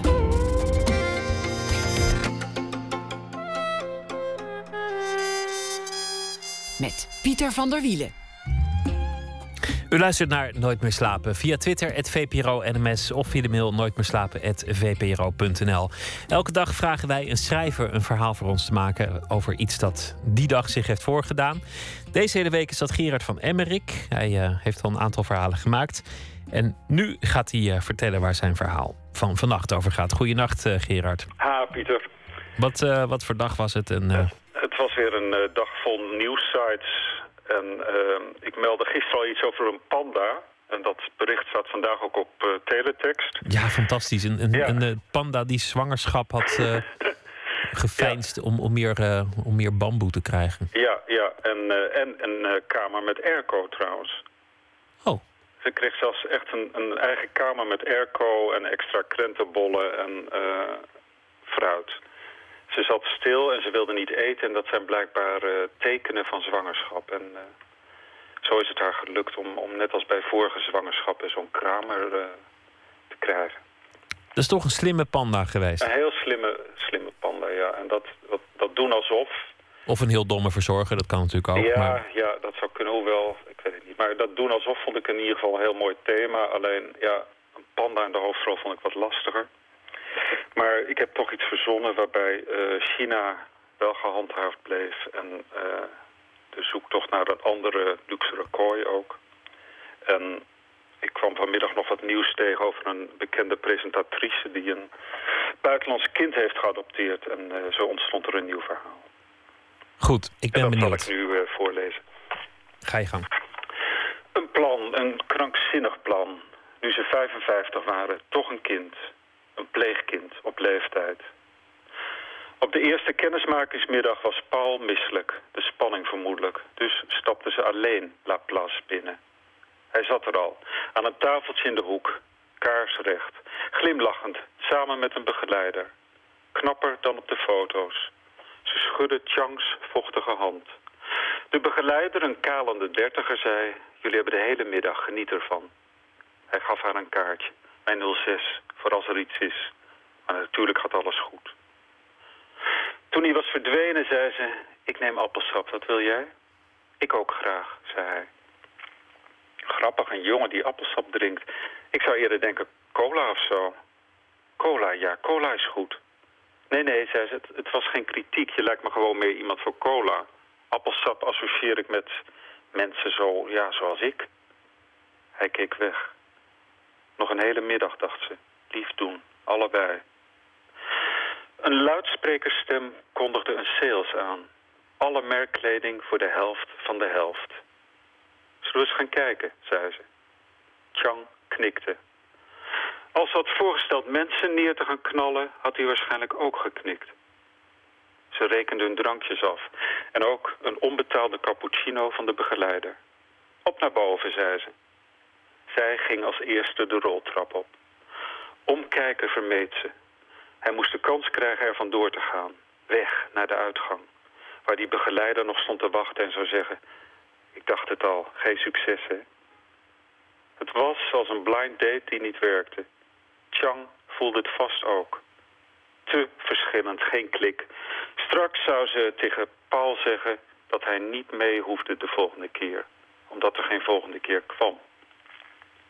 Maar toen ze boven van de roltrap stapte, was er geschuifel achter haar en een appelsapadem. Changs hand gleed langs een rek met sweatshirts. Weer reproberen, zei ze. Als dat mag. Hij loerde naar het prijskaartje. Natuurlijk mag dat. Hoe vind je dat groene? Groen kleurt goed bij je haar. Hier, deze is in large. Probeer ze allebei. Hij verdween met de shirts in een pashokje. Zij nam plaats op een bankje. Dominante moeder wachtend op onderdanige zoon. Onder de deur van het, bok, van het hokje bewogen zijn gymschoenen. Waarschijnlijk keurde hij zichzelf in een spiegel. Daar was hij weer. Is dat een large? Staat je erg goed. Ongetwijfeld vond zelfs een vuilniszak hem goed. Ik heb weinig geld bij me, zei hij. Cadeautje. Heb je meer nodig? We zijn hier nu toch. Waar was ze mee bezig? Een charme-offensief? Waarom dat plan? Een kind onderdak bieden. Paul had het verzonnen voor haar en zij had voor hem geroepen... ja, goed idee. Chang koos op haar aandringen een slim fit jeans en een t-shirt met knoet. Zielig was dat, hè, zei ze, die ijsbeer. Hij knikte. Dus in China was het ook uh, op tv? Hij sloeg zijn ogen neer. Ja. Ja, ja, dacht ze. Maar ook, misschien kunnen we toch nog een keer afspreken. En toen ze door de poortjes wandelde, ging het alarm af. Twee bewaaksters doorzochten haar tas. Had mevrouw een bon van dat shirt? Ze knipoogde naar Chang. Nu ontdek je mijn ware aard, zei ze. Hij glimlachte niet terug. Hij knikte. Zelfs toen de bon opdook en de bewaaksters met excuses kwamen, bleef hij ja knikken. Haar ware aard. Hij doorzag haar. Hij doorzag de hele situatie. Hier was niet enkel sprake van onbaatzuchtigheid. Hun huis was te leeg. Zo, twee verhalen komen bij elkaar in, uh, in je bijdrage van, uh, van vannacht. Ja. Mooi, bij de, bij de douane, die loerende blikken. En dan, uh, en dan dat, dat geheim. Ja. Ik moest vanochtend ook nog denken aan wat je gisteren zei over, over de gevaren van social media voor de volgende generaties. Voor, Ja. voor de jeugd. Ja. Dat daar mensen zijn die daarvoor waarschuwen. Dat, je, dat, kinderen voor galg en rat opgroeien vanwege die social media. Ja. Ik, ik bedacht me ineens, dat zeiden ze toen ik jong was over de televisie. Wij kregen daar nog les in. Ja, en dat, dat is ook ongetwijfeld waar hoor. Maar dit is nog erger, geloof ik, die schermpjes. Oh, dat was gewoon waar. Ja, wij, kregen dan les. Kwam er zo'n sociaal werker, die, die kwam ons uitleggen. Dan moesten we samen naar de E-team kijken. En, en dan vroeg die sociaal werker aan de hele klas. Nou, dat was het gieren van het lachen. Hadden ze dit ook zonder mitrailleur kunnen oplossen? Ja, dat waren mooie tijden. Ja. Het wordt steeds erger, let maar op. Of Dat- mooier, ik weet het niet. Nou ja, de volgende generatie heeft ook wat te lachen. Ja. Gerard, dank je wel. En eh, morgen. weer een verhaal. Graag. Tot. Goeienacht. Dag.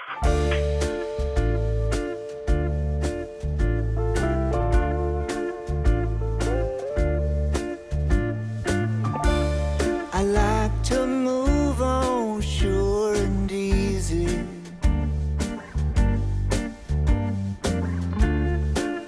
like a cat creeps through the grass.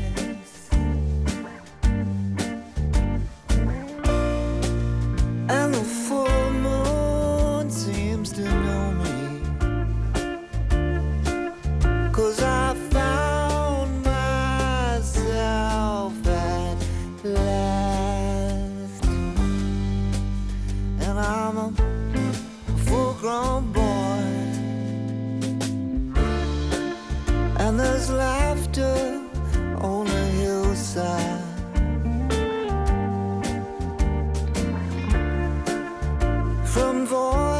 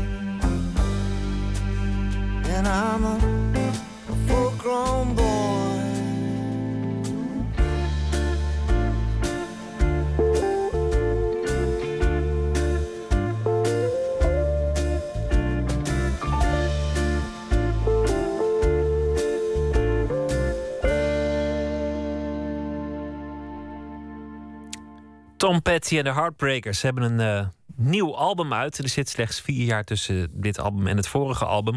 Wat voor hun doen snel is. Ze hebben er ook wel acht jaar over gedaan. De titel van dit eh, dertiende studioalbum is Hypnotic Eye. En dit eh, liedje heet Full Grown Boy.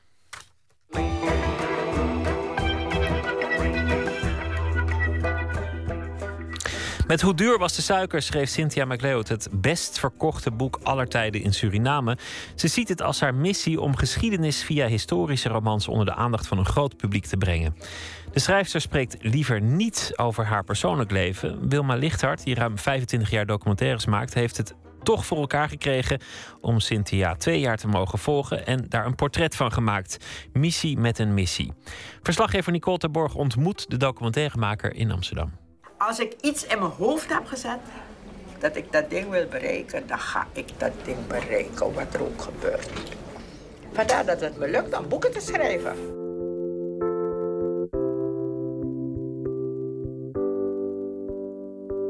Ik, ik had zoiets van, wie is die vrouw? Ik kende haar niet, alleen haar naam. Eh, en ik ben, daarna ben ik al haar boeken gaan lezen. En eh, ze ging eigenlijk gewoon niet uit mijn hoofd. Het was een soort eh, van totaal geïntegreerd. En eh, haar boeken die, die, die spraken me ook aan. En toen dacht ik van, nou, ik, ik moet iets met Cynthia McLeod doen. Ik moet iets met haar eh, ja, gaan doen. Ik wil heel graag dat Surinamers hun geschiedenis kennen. Want je kan niet houden van iets dat je niet kent, toch? Je moet eerst dat ding kennen, dan pas kan je ervan houden. En toen ben ik gaan eh, kijken of, ze ooit een, of ooit een documentaire over haar was gemaakt. En dat was niet. Dus ben ik haar gaan mailen, maar eh Cynthia die antwoordt nooit haar mails. Heel apart. En toen ben ik via, via ben te weten gekomen dat... ehm, zij zou voor de bewerking, theaterbewerking van Hoe duur was de suiker... naar Nederland komen. En toen eh, ben ik vlak voor de voorstelling, voor de première, naar haar toe gegaan. En toen zei ik, dag Cynthia, ik ben eh, Wilma Lichtart. Die regisseur die jou eh, elke keer mail stuurt. En toen zei ze, ja, Wilma Lichtart. Ben jij familie van de pedagoog Jan Lichthart? En ik had zoiets wat krijgen. Nou, en dat ben ik. Ik ben familie. Dus ik zei ja. En ze oh nee, dan is het goed. Ja hoor. En later begreep ik, toen ik haar beter leerde kennen... dat is echt typisch eh, Cynthia. Want zij zet alles en iedereen altijd in, in een historische context. En omdat ik familie was van de pedagoog... en Cynthia is onderwijzeres, eh, lerares... eh, heeft jaren voor de klas staan... Maar kijk, Cynthia, kennende, had natuurlijk mij al lang gegoogeld en een beetje her en der rondgevraagd: wie is Wilma Lichthart?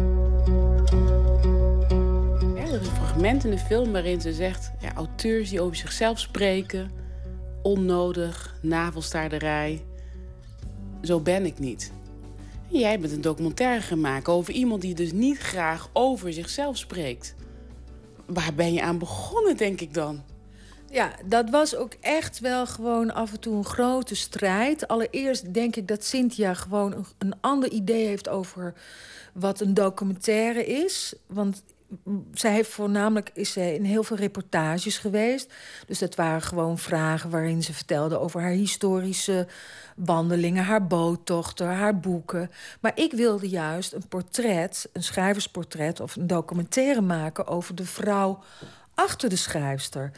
En ja, dat, dat, dat, dat, allereerst begreep ze dat niet. Want ze zei ook wel van, ja, je hebt nu toch wel genoeg. Moeten we nog langer praten? En, eh, en dan legde ik haar ook uit van, ja, maar ik, ik, ik wil ook gewoon dichter bij jou komen. Bij eh, jouw jeugd en hoe je gevormd bent door je opvoeding. En ehm, ja, en als je dan te maken hebt met een vrouw die een, een geweldige vrouw, maar die eigenlijk vindt dat, dat, dat het niet zo belangrijk is om meer over jezelf naar buiten te brengen. Want ze zegt ook: ik praat in geen één roman kom ik voor. Ik, daarom maak ik juist historische romans. Die opgevoed is door haar vader, eh, de, president van, eh, de eerste president van Suriname, die zei: alles wat je doet moet ten dienste staan van de gemeenschap. Eh, ja, dan denk ik ook niet dat het makkelijk is om over jezelf te, te, te praten. Ja, natuurlijk was ik trots op mijn vader. Ja, dat hij de eerste president was. Mijn vader voedde ons op met de slogan... alles wat je kent en vermag moet ten dienste staan van de gemeenschap. Dus als je iets kan, dan moet je zorgen dat je er anderen mee helpt. Cynthia McLeod is een uh, Neerlandica. Ze is nu 77, wordt binnenkort 78. Ze heeft uh, heel lang voor de klas gestaan. In Suriname ne Nederlands uh, gedoseerd. Met grote liefde voor geschiedenis, maar eigenlijk voor haar land. En wat zij zelf ook zegt van... kijk, wij kregen heel weinig te horen over onze geschiedenis... en over onze voorouders. En dat vond ik een gemis, dat vond ik een leemte. Dus wat ze eigenlijk deed, was eigenlijk al toen ze doseerde als Nederlands... vertelde ze heel veel over, over, over de geschiedenis van Suriname... en uiteraard ook over de slavernij. En de kinderen die bij haar in de klas zaten... die hebben haar altijd aangemoedigd van... oh, mevrouw McCloud, u moet later schrijfster worden. En toen kwam ze in de gelukkige positie dat haar man werd ambassadeur. Dus ze, ze, hoefde geen les meer te geven. En ze had veel tijd om research te doen. En ze is uh, historische romans gaan schrijven met als, nou ja, denk wel specialisatie of uh, zwaartepunt uh, slavernij. Ah, Cynthia McCloud is wel iemand geweest die op een hele nu steeds, nog steeds. Eén heeft ze uh, voor een deel nuance aangebracht in het slavernijdebat. Dus andere invalshoeken erin gebracht. Uh, zonder de ernst ervan te verliezen. Dus nieuwe inzichten. En ze heeft het vastgelegd, ook op een, moderne manier. Alles wat ze, wat ze gedaan heeft in Suriname. Ze was op een gegeven moment ook met die, met die, met die boottochten was ze daar bezig. Ik, moet het, ik heb een waardeloos geheugen, maar dit herinner ik me. Ja, daar is ze toch toch, heeft veel, veel roeien en ruiten opgestoomd. En dan, dan, laat ze zich niet uit het veld slaan. Die gaat gewoon door. In het documentaire is vooral uh, Cynthia McLeod aan het woord, maar ook mensen die haar kennen. Humberto Tan, uh, Cohen, uh, Pindela Parra, filmmaker die in Paramaribo woont. Maar dat zijn toch mensen die niet super dicht bij haar staan. Waarom heb je ervoor gekozen om hen te interviewen, niet mensen die nog dichter bij haar staan? We hebben ook gesprekken gehad met haar zus, haar oudste zus en haar broer, die nog leven, en twee vriendinnen. Maar op een of andere manier leidde het iets te veel af van waar ik naartoe moest. Het ging te veel over het, de gezinssituatie. En ja, over de familie Ferrier, kan je al een hele aparte documentaire maken. Begrijp je? En ik wilde toch meer naar. Ehm, ja, dat Cynthia het ook zelf zou vertellen. Ik vind soms ook een beetje een zwaktebod als het allemaal van Begrijp je, als de hoofdpersoon zichzelf niet opent, oké, dan, dan, dan, dan gaan we de mensen, de, de broers en de zussen en de vriendinnen daaromheen vragen. Cynthia McLeod, uh, haar boek Hoe duur de suiker is uh, het best verkochte boek hè, in Suriname. Uh, in Nederland, toen de recensies uitkwamen over het boek, ja, die waren niet mals. Ehm, in de film confronteer haar bijvoorbeeld ook, of in ieder geval heeft het over Michiel van Kempen die kritiek heeft op het boek, dat het geen literatuur zou zijn. Kritiek, wel, soms is het goed om die kritiek te lezen. Maar soms denk ik ook bij mezelf, nou ja. Michiel van Kempen heeft over hoe duur was de suiker geschreven toen het boek was, pas was uitgekomen. Een verschrikkelijke recensie. Hij heeft het met de grond gelijk gemaakt. Het was in ieder geval geen literatuur. Ben jij erachter gekomen hoe zij omgaat met kritiek? Nou, ze zegt dat trouwens ook wel in de documentaire. Ze zegt, ik vraag hoe, hoe ga je om met kritiek? En dan zegt ze, nou, zegt ze, ik, ik luister wel naar kritiek. Ik, ik, ik lees het ook. Maar, zegt ze, er zijn wel bepaalde dingen waarvan ik denk... Nou, daar ben ik het gewoon helemaal niet mee eens. En dat is inderdaad de kritiek die Michiel van Kempen heeft uh, uh, geschreven over haar boek. Waarom denk je dat jij moet bepalen wat wij literatuur moeten vinden. Ik weet zeker dat je genoeg Frans kent om ook Franse boeken te lezen. Ik weet zeker dat je genoeg Engels kent om ook Engelse boeken te lezen. Toch ga je nooit voor de Fransen willen bepalen wat zij literatuur moeten vinden.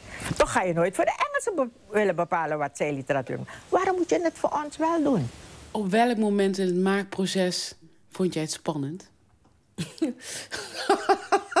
nou, dat was twee dagen voordat uh, de laatste draaidag was.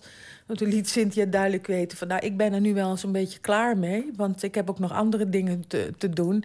En wij hadden zoiets van, ja, maar we hebben nog niet genoeg. En toen, dat was echt heel erg spannend... toen heb ik Cynthia nog een keer apart genomen... en zei ik, luister, ik kan nu stoppen... en de documentaire maken zoals hij nu is... Maar die is dan niet zo volledig en, en, en, en mooi als dat die zou kunnen zijn. En zei ze, maar wat wil je dan nog meer? Ik zei, nou, ik wil heel graag dat je toch nog ietsjes meer vertelt over wie jij bent en, en, en, wat jou raakt. En toen uiteindelijk zijn we, wij zeggen altijd, we hebben haar min of meer opgesloten bij Royal Terrarica in een hotelkamer. Dat had ook te maken omdat het bij haar thuis gewoon veel te rumoerig was. Ze woont op een hoek van een hele drukke straat. En toen is er iets heel moois uh, gebeurd. En, en toen heeft ze inderdaad echt gewoon heel open geantwoord op alle vragen die ook voor haar heel erg confronterend en persoonlijk waren. Ze had TBC. En daarom, ze was besmettelijk, dus we mochten er niet gaan zien. En men had in die tijd nog geen medicijn tegen TBC. En dat, dat, het was een het was een hele schok. Dat weet ik nog als kind.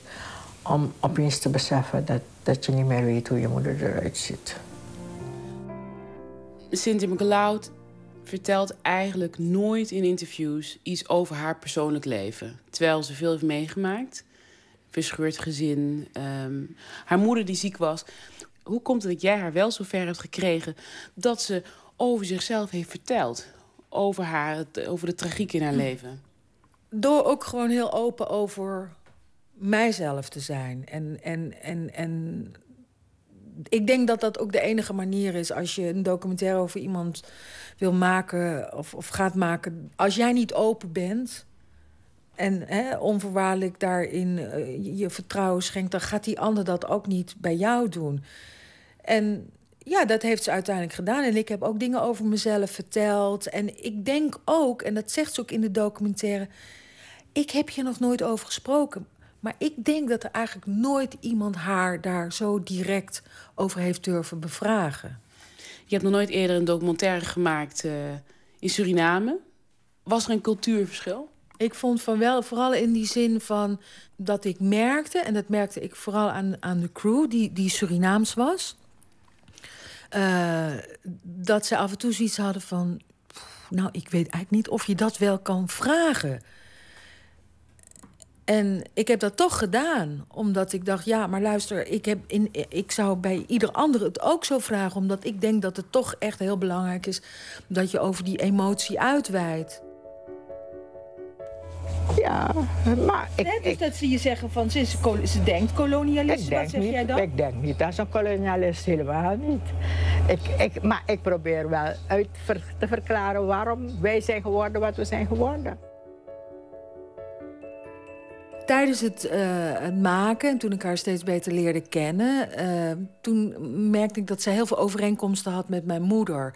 Alle twee vrouwen van dezelfde leeftijd. Alle twee in, uh, in de verkennerij veel gedaan. Van die organiserende akela's. Lieve, warme vrouwen, maar ook vrouwen die zichzelf op een tweede plan zetten. Kijk, bij Sintje was natuurlijk altijd haar boeken... en, en, en, en het voor de gemeenschap, dat was het belangrijkste. En mijn moeder die was ook altijd bezig als anderen het maar goed hebben. En, en, en als ik aan haar vroeg, hoe gaat het met jou? Of waar, waar kom jij vandaan? En vertel zo vroeger, oh nee, dat was helemaal niet belangrijk. Was, waar moet je het daar toch altijd over hebben? En mijn moeder is pas gaan vertellen over haar verleden... omdat ze niet anders kon. Ze kreeg Alzheimer. En uh, dat was heel mooi natuurlijk voor mij. Het was een groot cadeau. En ik, ik, ik denk dat je als maker altijd heel dankbaar bent... ook als iemand zoals Cynthia jou ook zo'n cadeau geeft. Hè? Dat ze de hart opent en zegt van... luister, zo was het eigenlijk.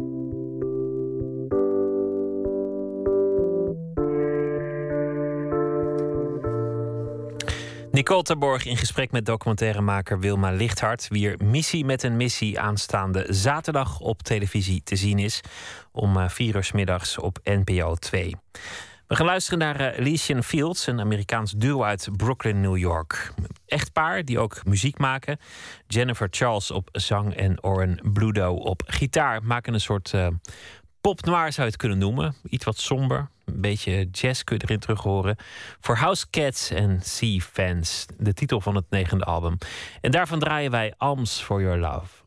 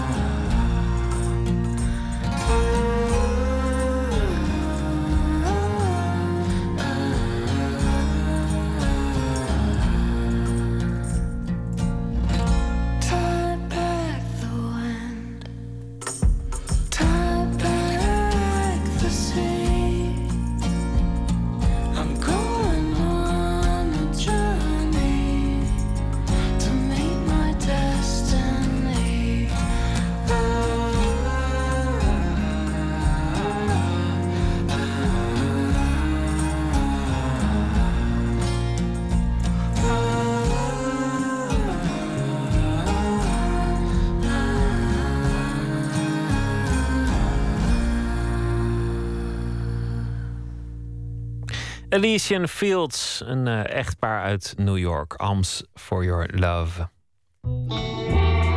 Nooit meer slapen. Als je de hele dag in de brandende zon op een festival staat, is een flesje water toch het minste waar je om kunt vragen. Of gewoon een bekertje water en dan liefst ook gewoon gratis verstrekt door de organisatie. Vanaf eh, dit jaar, eind dit jaar, moet het eh, in Amsterdam mogelijk zijn. Verplicht zelfs, want anders krijg je gewoon geen vergunning als organisatie voor elk grootschalig evenement. Dat heeft de gemeenteraad eh, beslist. Klinkt logisch, helemaal vanzelfsprekend is het nog niet. Onze nachtcorrespondent Matthijs Deen heeft er de hele dag achteraan gebeld. Goeienacht. Goeienacht, Pieter. Ja, het, het lijkt heel makkelijk. Een, een glaasje water, dat moet je gewoon geven. Dat is netjes. Ja, eh, om, om, om Willem Kloos te parafraseren, cultuur is mooi, maar je moet er wel iets bij te drinken hebben. Dus als je naar een festival gaat, vooral een dancefestival waar je veel beweegt, vaak ook in de hitte, dan moet je kunnen drinken zoveel als je wil en gratis. Eh, water wel te verstaan, hè? kraanwater. Dus en dat moet gratis zijn. Dus, dus niet van je Ja. moet evenementenbier kopen of je kan een flesje kopen of wat dan ook. Maar er moet gewoon een kraan staan en een bekertje. Simpel. Ja, er moet een, tap, een tappunt zijn en daar moet je je flesje kunnen vullen. En gratis. Zo wil Amsterdam het tenminste. Wat is het probleem? Het nou ja, kijk, eh, Daniel van Rees, raadslid van de VVD... stelde in juni vragen aan het college... naar aanleiding van klachten over het festival Amsterdam Open Air... waar bewakers festivalgangers zouden hebben belet om water uit de kraan te drinken. En wilde graag dat de stad zich uitsprak over wat een festival in de stad aan gratis water voor de bezoekers moet regelen. En het college heeft op vragen, nou zeer onlangs eh, stond vandaag in de krant VVD-raadslid Daniel Ree toegezegd de bepalingen die er al waren, namelijk er moet water zijn, aan te scherpen. Festivalgangers moeten vrij toegang krijgen tot kraanwater om, zoals, eh, zoals de- stad het nu zegt, een flesje of bekertje gratis bij te vullen. Regel je dat niet, kan je geen evenementenvergunning krijgen, dus niet een groot feest bouwen in de buitenlucht. Is dat een grote kostenpost voor die festivals? Want nu wordt het verkocht voor eh 3, 4 euro per flesje. Ja, het is eigenlijk wat dat betreft, je zou. het- het- de kostenpost zou zijn om kraanwater aan te bieden. Ehm, ja, het punt is. Stel je voor dat je, dat je ehm, zo'n zo'n Mysteryland heeft 40.000 bezoekers. Er is een richtlijn dat je één tappunt per 150 bezoekers moet eh, aanleggen. Dat betekent toch al gauw 250 tappunten verspreid over het terrein. En er moet een helemaal toevoer van waterleiding. Moet eigenlijk een net aangelegd. Dat kost allemaal geld. En je krijgt Maar- niks meer omdat je die flesjes niet meer verkoopt. Nou, dat is. Kijk, daar verschillen de meningen nogal over. Eh, eh, of je met een organisatie praat, of met een actievoerder, of met een, eh, een evenementenorganisatie die organisaties helpt om zoiets te, even, te, organiseren. En die dan weer bemiddelt tussen brouwerijen en de organisatie. Maar het, het punt is, ja, ik weet niet of je dat kent, Pieter. Je, je komt ergens in een restaurant en je vraagt om water, maar dan gewoon kraanwater. En je krijgt nog eens te horen, u kunt het uit een fles krijgen. Maar niet gewoon. Of leuker nog, dat hebben we niet. Ja, dat vind ik gewoon- ook zo wonderlijk. Dan denk ik, hoe kan je dan koken als je geen waterleiding hebt? Maar goed. Ik vraag ook wel eens om een, om, om een ei te bakken. En dan zeggen ze, dat staat niet op de kaart en we kunnen geen ei bakken. Dan denk ik, in welke keuken kan je nou geen ei bakken? Maar goed, Ja, dat is een dat ander is- onderwerp. Daar, daar moet de VVD ook eens vragen over stellen. Ja, bronwater is in ieder geval big business. Eh, Kijk, televisieprogramma De Keuringsdienst van Waarde liet dat ooit mooi zien. Hè? Hoe, een, een bronwaterbottelaar het water voor haar flessen uit de grond haalt. Pal naast de pompen van waterbedrijf Vitens. Dus gewoon hetzelfde water. Alleen Vitens verkoopt het water gewoon als kraanwater. En de waterfabrikant eh, noemt het de zuiverste bron van heel Europa. Het verschil tussen bronwater uit de fles en uit de kraan is dat er veel meer toezicht is op het kraanwater. En dat het vele malen goedkoper is. Dus je kan je voorstellen, er zijn inderdaad hele grote belangen mee gediend. Maar hoe groot dat is voor zo'n festival, daar heb, je, nou, daar heb ik in ieder geval niet in één dag eh, inzicht in gekregen. Maar je Dus hebt een aantal mensen gebeld. Ik ben heel benieuwd. Nou ja, het is in ieder geval het is een bron van verontwaardiging voor heel wat wereldverbeteraars. Dat kan je je voorstellen. Hè? Mensen die proberen met allerlei initiatieven ons naar de kraan te verwijzen ten koste van het gebotste water. Ben eerst eens met hen gaan bellen, zoals eh, Tetsuro Miyazaki, initiatiefnemer van KRNWTR, oftewel kraanwater, maar dan zonder klinkers. Het zijn, die maken onder meer navulflessen voor kraanwater en de verkiezing van het lekkerste kraanwater van Nederland. Eh, en die zei dit. Nou, daar zijn, we, daar zijn we heel erg blij mee. Wij, ehm, wij vinden al eh, sinds onze oprichting een jaar of vijf geleden dat ehm, er meer water, kraanwater beschikbaar moet eh, gesteld worden. Wij irriteren ons, eh, net als heel veel festivalgangers, mateloos aan ehm, bordjes geen drinkwater of verboden te drinken. Dat mocht je niet drinken, wat dat betekent inkomstenderving voor de catering. Absoluut, ja. Wij weten dat een festival gemiddeld ehm 5 euro per persoon per dag eh, verdient aan de verkoop van flessenwater. En als je dat ineens ergens gratis vandaan kunt halen, dan bestaat de kans inderdaad dat eh, dat, dat op, je, op je inkomsten gaat, eh, gaat wegen. Dat was Tetsuro Miyazaki van Kraanwater, van Krunwutter. Eh, Wat hij nu doet is festivals benaderen en proberen met allerlei tussenoplossingen eventuele problemen en inkomstenderving te voorkomen. Maar ik weet niet eens of dat wel zo nodig is, want je krijgt niet zo makkelijk inzicht in die financiële strop die festivals zouden lopen. Als we opeens geen flesjes water meer zouden kunnen verkopen. Wat, ze- wat zeggen de grote organisatoren van festivals erover? Nou, ehm, ik heb eerst met een, met een brouwerij gebeld. Want er wordt altijd gezegd dat die festivals eh, eh, onderhevig zijn aan wurgcontracten van brouwerijen en, en grote frisdrank. maar Grols zei bijvoorbeeld tegen mij: wij verkopen geen bier. Wat ik een heel raar, wat ik een hele rare mededeling vond. Maar ze zei: ja, je moet eigenlijk naar zo'n evenementenorganisator gaan. En dat heb ik gedaan. Een grote evenementenorganisator uit het oosten van het land. Die zei: nou, noem ons maar niet bij naam. Maar die, op de website onthullen ze wel dat de catering belangrijke pijler is onder de financiering van de festival. Maar die zegt eigenlijk dat festivals zelf nogal onwennig zijn. En een beetje koudwatervrees hebben. En, kijk, zij zeggen het geld dat mensen naar een festival meenemen, geven ze toch wel uit. Als je het maar nou, hun zin maakt. Als je die mensen bijvoorbeeld water geeft gratis, dan blijven ze langer, voeden ze zich goed en geven ze dus ook meer uit. En als je dan blijkt, dus ik heb ook met ID&T gebeld, en eh, dan blijkt dus dat ID&T, en zeker de parade, eigenlijk al bezig zijn om dat langzaam in te voeren. En dat zo'n zo'n incident als bij het Open Air Festival Amsterdam eigenlijk, nou ja, het, het, het begint een uitzondering te worden. En, dat, eh, en dan, dan merk je dat ideële organisaties eigenlijk ook, nou ja, bijna, ik wil niet zeggen met een dubbele agenda, maar, maar toch ook wel een slaatje willen slaan uit het feit dat, dat Amsterdam deze maatregel neemt. Hè, want ze zijn natuurlijk voor een betere wereld bezig, maar ze zien ook een kans voor zichzelf. Blijkt uit het standpunt van bijvoorbeeld Join the Pipe. Dat is een organisatie van een reclameman waar de parade mee samenwerkt. En zij leveren tappunten van die grote witte waar kraanwater uitkomt. En Misschien wel eens gezien. Ze doen mooi goed werk, maar proberen zelf ondertussen ook een plek achter de bar te veroveren. ten koste van gebotteld water. Hè, zij vinden dat Amsterdam ook de verkoop van gebotteld water moeten verbieden op die lege plaats. Dan zouden zij dan, of in ieder geval, dat zouden verkopers met hun apparatuur kraanwater voor geld kunnen gaan verkopen. Maar dan gekoeld of met bubbels. En natuurlijk met, met hun apparaten. En, en eh, Esther Somers van Join the Pipe legt dat uit in het volgende fragment. Eh, bronwater is een, eh, ja, heeft een hele grote impact op, op het milieu met betrekking tot CO2-uitstoot voor de transport en de productie. En daarom willen we aan festivals vragen om kraanwater te serveren in plaats van voorverpakwater. Juist, oké. maar dat is dus niet waar het de gemeente om te doen is. Want de gemeente is het er om te doen dat mensen in ieder geval hun eigen flesje gratis kunnen bijvullen, toch? Ja, dat klopt. Dus in dat geval is het wat ons betreft een stap in de goede richting. Maar van ons mogen ze nog wel een stap verder trekken en zeggen... eh, alle festivals moeten voortaan op kraanwater georganiseerd worden. Daarmee heb je en gratis water op het veld voor de bezoekers... en betaald kraanwater aan de bar. Dat zouden wij het liefst zien.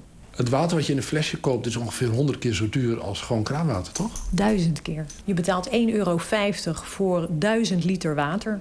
En normaal betaal je op, eh, op een festival, ik denk eh, de 3,50 euro... of misschien wel 5 euro voor een halve liter. Dus Ja, en dat is water van dezelfde kwaliteit. Maar dat is dus wel, eh, als, je, als je dat al voor dezelfde prijs gaat verkopen als dat je al water verkocht, dan heb je een windmarge van 1000 procent dus. Ja, maar je moet natuurlijk wel rekening houden dat de festivals die moeten ook investeren. Ze moeten een tijdelijk waterleidingnet aanleggen en ze moeten bartaps huren.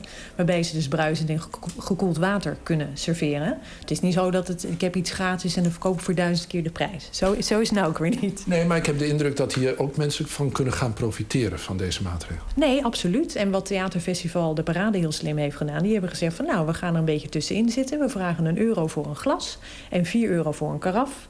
En eh, ja, nou ja, voor, eh, voor het beste kraanwater in de wereld... denk ik dat dat een hele mooie prijs is. Al met al eh, klinkt dit, als, als ik het zo hoor... en het is alleen maar Amsterdam. Er zijn natuurlijk heel veel evenementen ook buiten Amsterdam. Maar het klinkt wel als, als een enorme roep om regulering... terwijl je kunt afvragen... Moet dit nou wel via regels bewerkstelligd worden? Nou ja, eh, je, je merkt wel dat inderdaad er een, een.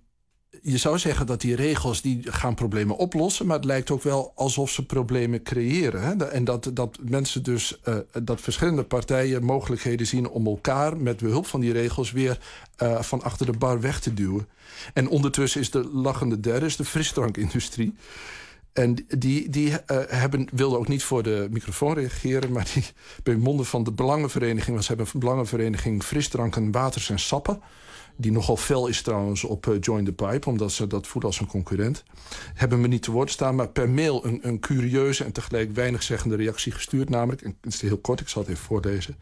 Het is belangrijk dat iedereen voldoende drinkt. Nou, Aanbevo- dat is mooi gezegd, toch? Aanbevolen is dagelijks anderhalf tot 2 liter vochtinname via dranken. Water behoort ook tijdens een festival tot een goede dorstlesser, net zoals frisdrank. Wij willen benadrukken dat iedereen de vrijheid moet hebben om zelf te kiezen hoe hij of zij deze vochtbehoefte invult. Nou, dat, zijn, is, dat eh, zijn hele wijze woorden eh, van de Belangenvereniging. onmogelijk mee oneens kan zijn. Nee. Maar die tegelijkertijd niks zeggen. Dat komt door die frisdrank en dan blijf je helder denken. Matthijs Deen, dankjewel en een eh, hele goede nacht. Jij ook, Pieter. Dankjewel. Addis to Omega heet het nieuwe album van eh, Dub Colossus, een crossover project. Ethiopische invloeden, die zijn een beetje verdwenen. Het is iets meer eh, Jamaica dit keer. Dus meer eh, reggae en eh, dubmuziek. Het nummer dat we draaien heet Family Man.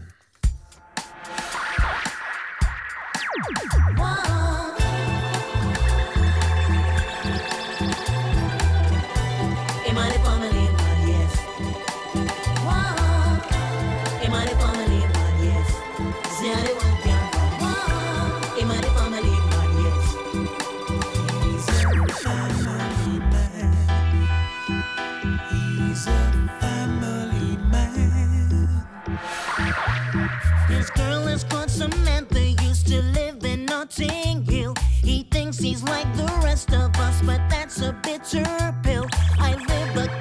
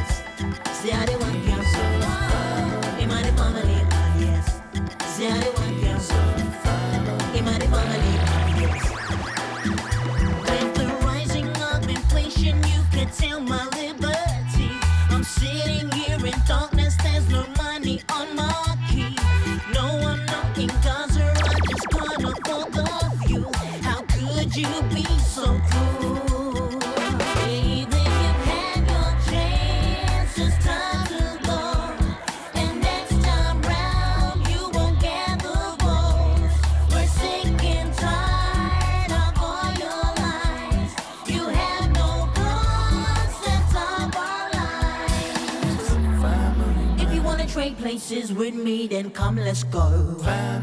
I bet you won't last one week in a flat eating beans on toast. Scrimp and save and sign on. Every day you look for work, but there's none. All the while you're trying to dodge eviction. Every time you raise your head, a bill comes. Oh, roll the country, a tomfoolery. You never know someone, so why do people them say, say you're now one of us? No right us. They can't find a fear, you don't know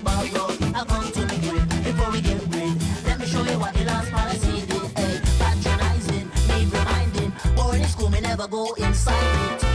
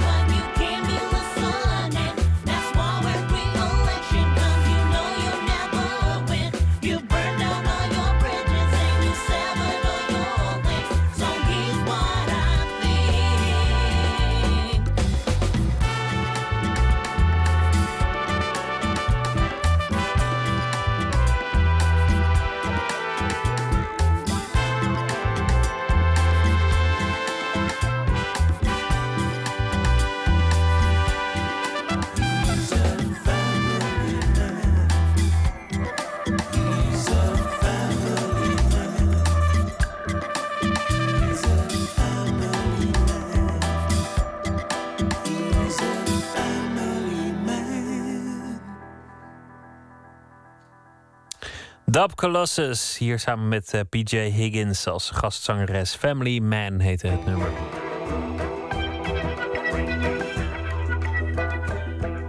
Kijk eens wat vaker in de spiegel van de kapper was ooit een reclameslogan. Maar wat gebeurt er als iemand in die spiegel van de kapper kijkt? Oude mannen zien in die spiegel het verstrijken van de tijd. Jonge mensen laten zich wat eh, van hun stoere kant eh, zien of worden juist wat kwetsbaarder misschien. En over dat fenomeen gaat de foto-expositie Damsko's Trots van Catharina Gerritsen. En ook gaat over dat fenomeen een korte documentaire Face-to-Face van Menno Otte binnenkort op het Nederlands Filmfestival te zien. Onze verslaggever Ali Hazelhoef praat met beide kunstenaars en ging naar een illegale kapsalon in Amsterdam Noord. Kan je ook eh, gewoon die zigzag doen?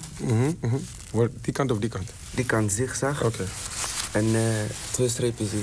Aan de zijkanten wat eh, opgeschoren, of in ieder geval dunner. En dan dat ja, eh, de slag zo kan. Het eh, David Beckham, eh, Robbie Williams kapsel tegenwoordig.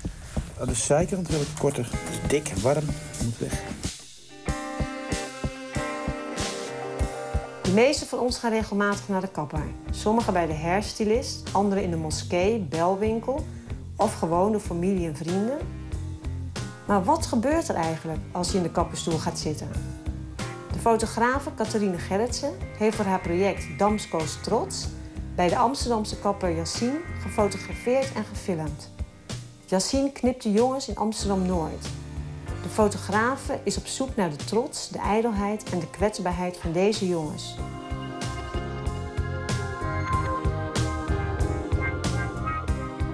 Wie zien we hier op deze foto? Eh, dit is Galit, hij is eh, profvoetballer uit Rotterdam. En hij komt elke week eh, terug naar zijn buurt in Amsterdam-Noord om naar de kapper te gaan en om zijn moeder te bezoeken. En eh, dit is eigenlijk een foto van hem tijdens zijn, eh, tijdens zijn knipbeurt. Zijn verschillende blikken. Hij kijkt natuurlijk bedachtzaam de spiegel in om te kijken of eh Jessin het allemaal wel goed knipt. Ik kom één keer in de week kom ik hier bij hem knippen. Ja, ik vind het gewoon altijd belangrijk om goed uit te zien. En daar hoort ook een goede kapsel er ook bij. En daarom ben ik hier bij Sigi.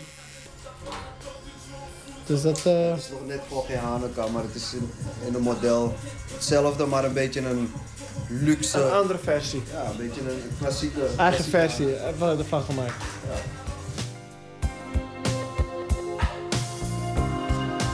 Ik wil eigenlijk laten zien dat, eh, dat er een hele levendige, kleurrijke subcultuur is binnen die wijk.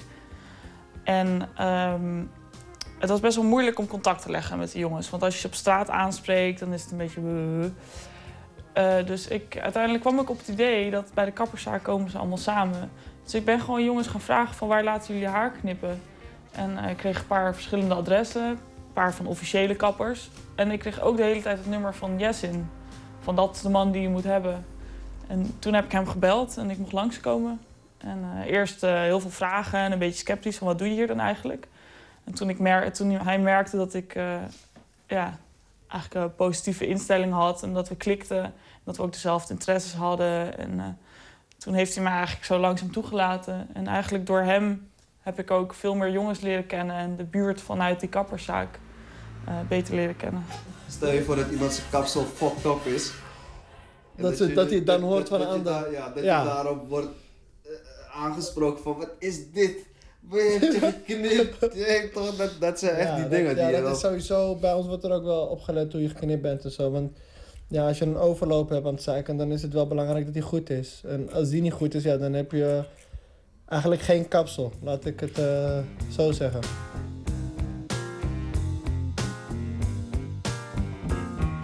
Ik denk, ik vond het zelf heel mooi om te zien dat die jongens worden eigenlijk op zo'n moment ook verzorgd. Want je zit in een kapperstoel en je haar wordt gedaan en je kan even tot rust komen. En ze laten eigenlijk ook dat heel even los, dat stoeren en dat, weet je wel, ze laten zich gewoon even verzorgen door een andere man eigenlijk.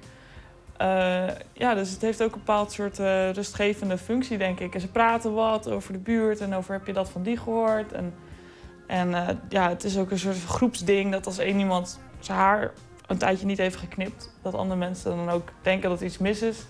Ik heb het ook meegemaakt in die kapperszaak, dat iemand binnenkwam, een maand niet geweest of zoiets, eh, lang haar. En eh, toen hij wegging, dat iedereen daar zei: Oh, wat is, er, wat is er met hem? Gaat het wel goed met hem? Heeft hij problemen thuis? Want weet je wel, waarom ziet, hij, waarom ziet hij er zo onverzorgd uit? Want voor het geld hoef je het niet te laten. Het is, weet je wel, 5 euro. Maar dan gaat het verhaal meteen de ronde dat het niet goed gaat met diegene. Dus ze zijn gewoon heel bewust van hun, hun uiterlijk en hun identiteit, denk ik. Willen dat gewoon bewaken.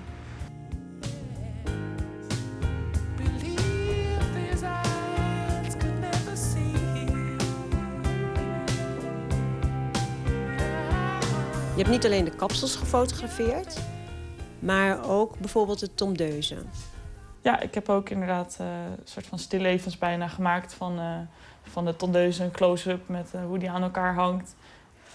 Eh, nou, wat me heel erg opviel was dat er met de grootste precisie gewerkt wordt, maar eigenlijk met eh, de minste middelen, om het zo maar te noemen. Er staat een hele grote pot van een euro staat daar.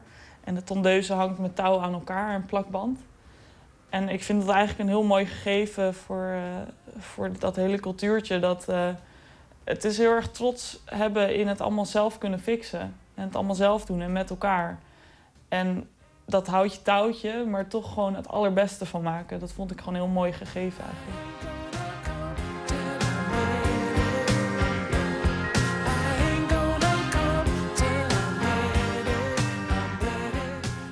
Ik ben zelf een verhalenverteller. Dus ik vind het heel belangrijk dat die foto een verhaal vertelt. Een relevant verhaal. Eh, maar tegelijkertijd moet het beeld ook natuurlijk mooi zijn om naar te kijken. Anders kijkt niemand ernaar. Dus het is heel erg die balans tussen eh, esthetiek en het verhaal die je moet zoeken in de documentaire fotografie. Wat eh, soms heel lastig is, maar wel heel, heel die spannende zoektocht. En wat ik eerder al zei, dat ze verzorgd worden door iemand en daar even een moment van bezinning hebben. En dat zie je ook heel erg in de foto's en de filmpjes die ik heb gemaakt. Dat is gewoon even tot rust komen. Dat vond ik mooi daaraan.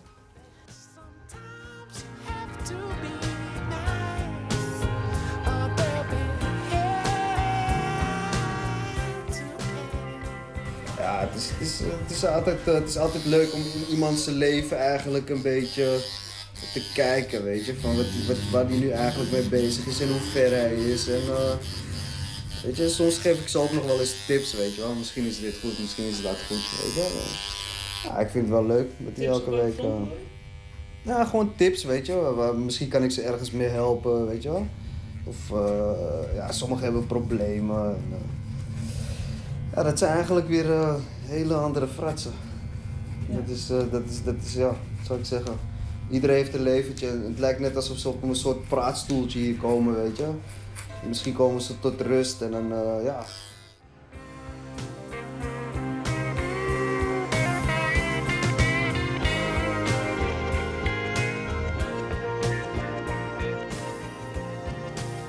Stoere jongens worden kwetsbaar in de kapperstoel en laten even hun masker vallen.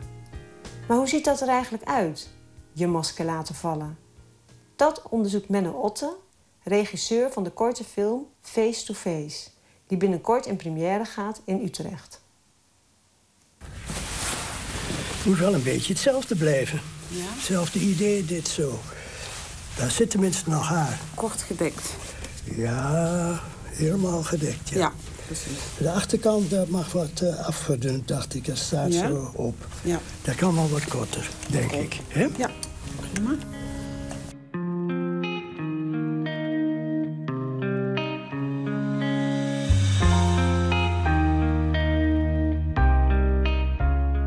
Ehm, wat zien mensen als ze in de spiegel kijken? Wat ze zien, dat weet ik niet. Maar wat wij zien als kijkers, als wij hun in de spiegel zien kijken, ehm, is volgens mij onszelf, via die mensen. En dat is ook waar de film over gaat. Wij kijken naar hun, zij kijken naar zichzelf. Wie kijkt er naar wie en wie ziet wat? En wat jij denkt dat zij zien, dat is, gaat volgens mij veel meer over jou dan over wat zij zien. En uiteindelijk wat zij zien is natuurlijk wel een reflectie letterlijk van, eh, van hun, hun spiegelbeeld. De film is zwart-wit. Je ziet geen kapper, geen kapperzaak. Je ziet dus helemaal geen cultuurtjes, geen afleiding. Alleen maar het gezicht. En het haar en de hand die het haar knipt. Wat wil je eigenlijk met deze vorm bereiken? Robert Bresson zei ja, afschaven tot de, tot de kern. Je moet je film volgens mij afvlakken. Dat doe ik met andere films ook, afschaven totdat je alleen maar overhoudt dat wat je wil laten zien. En dat is voor mij de intensiteit en de blik van die mensen. En daardoor wil ik alles wat er niet toe doet, kleur, eh, maar ook eh, eh, de, het arena van de kapperszaak. Dat doet het me allemaal niet. Alleen om het gezicht en, om, en de handeling van de kapper om dat te ondersteunen. Dus die twee dingen laat ik zien en voor de rest gooi ik alles weg.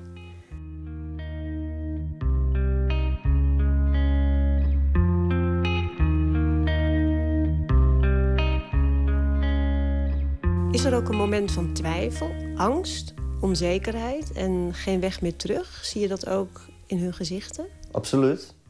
Ja, absoluut. Zeker. Ik denk bij... eh, er zit een meisje in de film die, eh, wiens, eh, die heeft al, ik geloof, 10, 15 jaar lang haar haar niet, de paardenstaart niet afgeknipt. En haar staart wordt afgeknipt in de film. En op het moment dat die staart eraf is, ziet ze wel dat ze echt geen, letterlijk en figuurlijk geen kant meer op kan. En naarmate de film vordert, zie je ook hoe ze daarmee mee speelt. Dus ze draait haar hoofd om te kijken hoe het valt en of er, of haar, hoe die transformatie eruit ziet. Ja, en dan zie je wel dat ze zich realiseert dat ze geen kant meer op kan. En dan komt er ook onzekerheid. En dat lees je heel duidelijk in haar gezicht. Dat ze worstelt met, is dit eigenlijk wel een goede keuze? En uiteindelijk is ze heel erg blij met dat kapsel. Maar dat had natuurlijk ook niet kunnen zijn. Ehm, zijn mensen in de kapperstoel niet extra kwetsbaar? Omdat je een uur lang je eigen gezicht ziet in een fel licht. En met het haar vaak plat op je hoofd. Dus niet op je mooist, zeg maar. Ja, absoluut. Ja, maar zij hebben zich overgegeven aan het feit dat ze dat willen laten, of dat dat gefilmd wordt. En ehm, dat is zeker kwetsbaar. Maar juist in die kwetsbaarheid zit volgens mij eh, de kracht van deze film. Of, of wat ik ook in mijn andere werk probeer te doen. Juist in die kwetsbaarheid en in die hele intieme momenten mensen filmen. En daar proberen om er heel respectvol mee om te gaan. Maar ja, we krijgen wel een inkijkje in iets waar we eh, misschien eigenlijk niet bij horen te zijn. Ehm, en wat ik toch probeer te, te transformeren naar, naar een film. Ja. Nou, we. Spannend. Klein beetje, toch Ja. wel? Ja? Nou, je zegt, ik heb het vaak kort gehad. Jawel.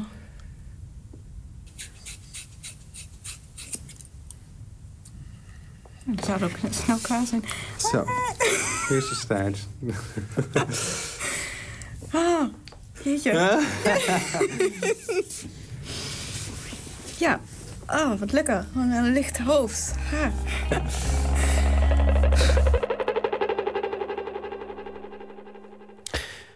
De film Face to Face van Menno Otte gaat in première op 28 september op het Nederlands Filmfestival en wordt eind oktober uitgezonden op NPO 2. En de expositie Damsko's Trots van Catharina Gerritsen is nog te zien tot en met 15 oktober in het ministerie van Onderwijs, Cultuur en Wetenschap in Den Haag.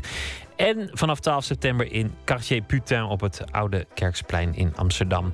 Morgen zit hier eh, Anton de Goede en eh, hij praat met zangeres Rita Sipora, maker van Nederlandstalige muziek. Poëtische, dromerige teksten op Brits klinkende pop. En op eh, Radio 1 kunt u straks luisteren naar Astrid de Jong als nachtzuster. En daar kunt u ook terecht met wijze vragen. Wens ik u een hele goede nacht en morgen een leuke dag. En morgen is er weer een Nooit meer slapen.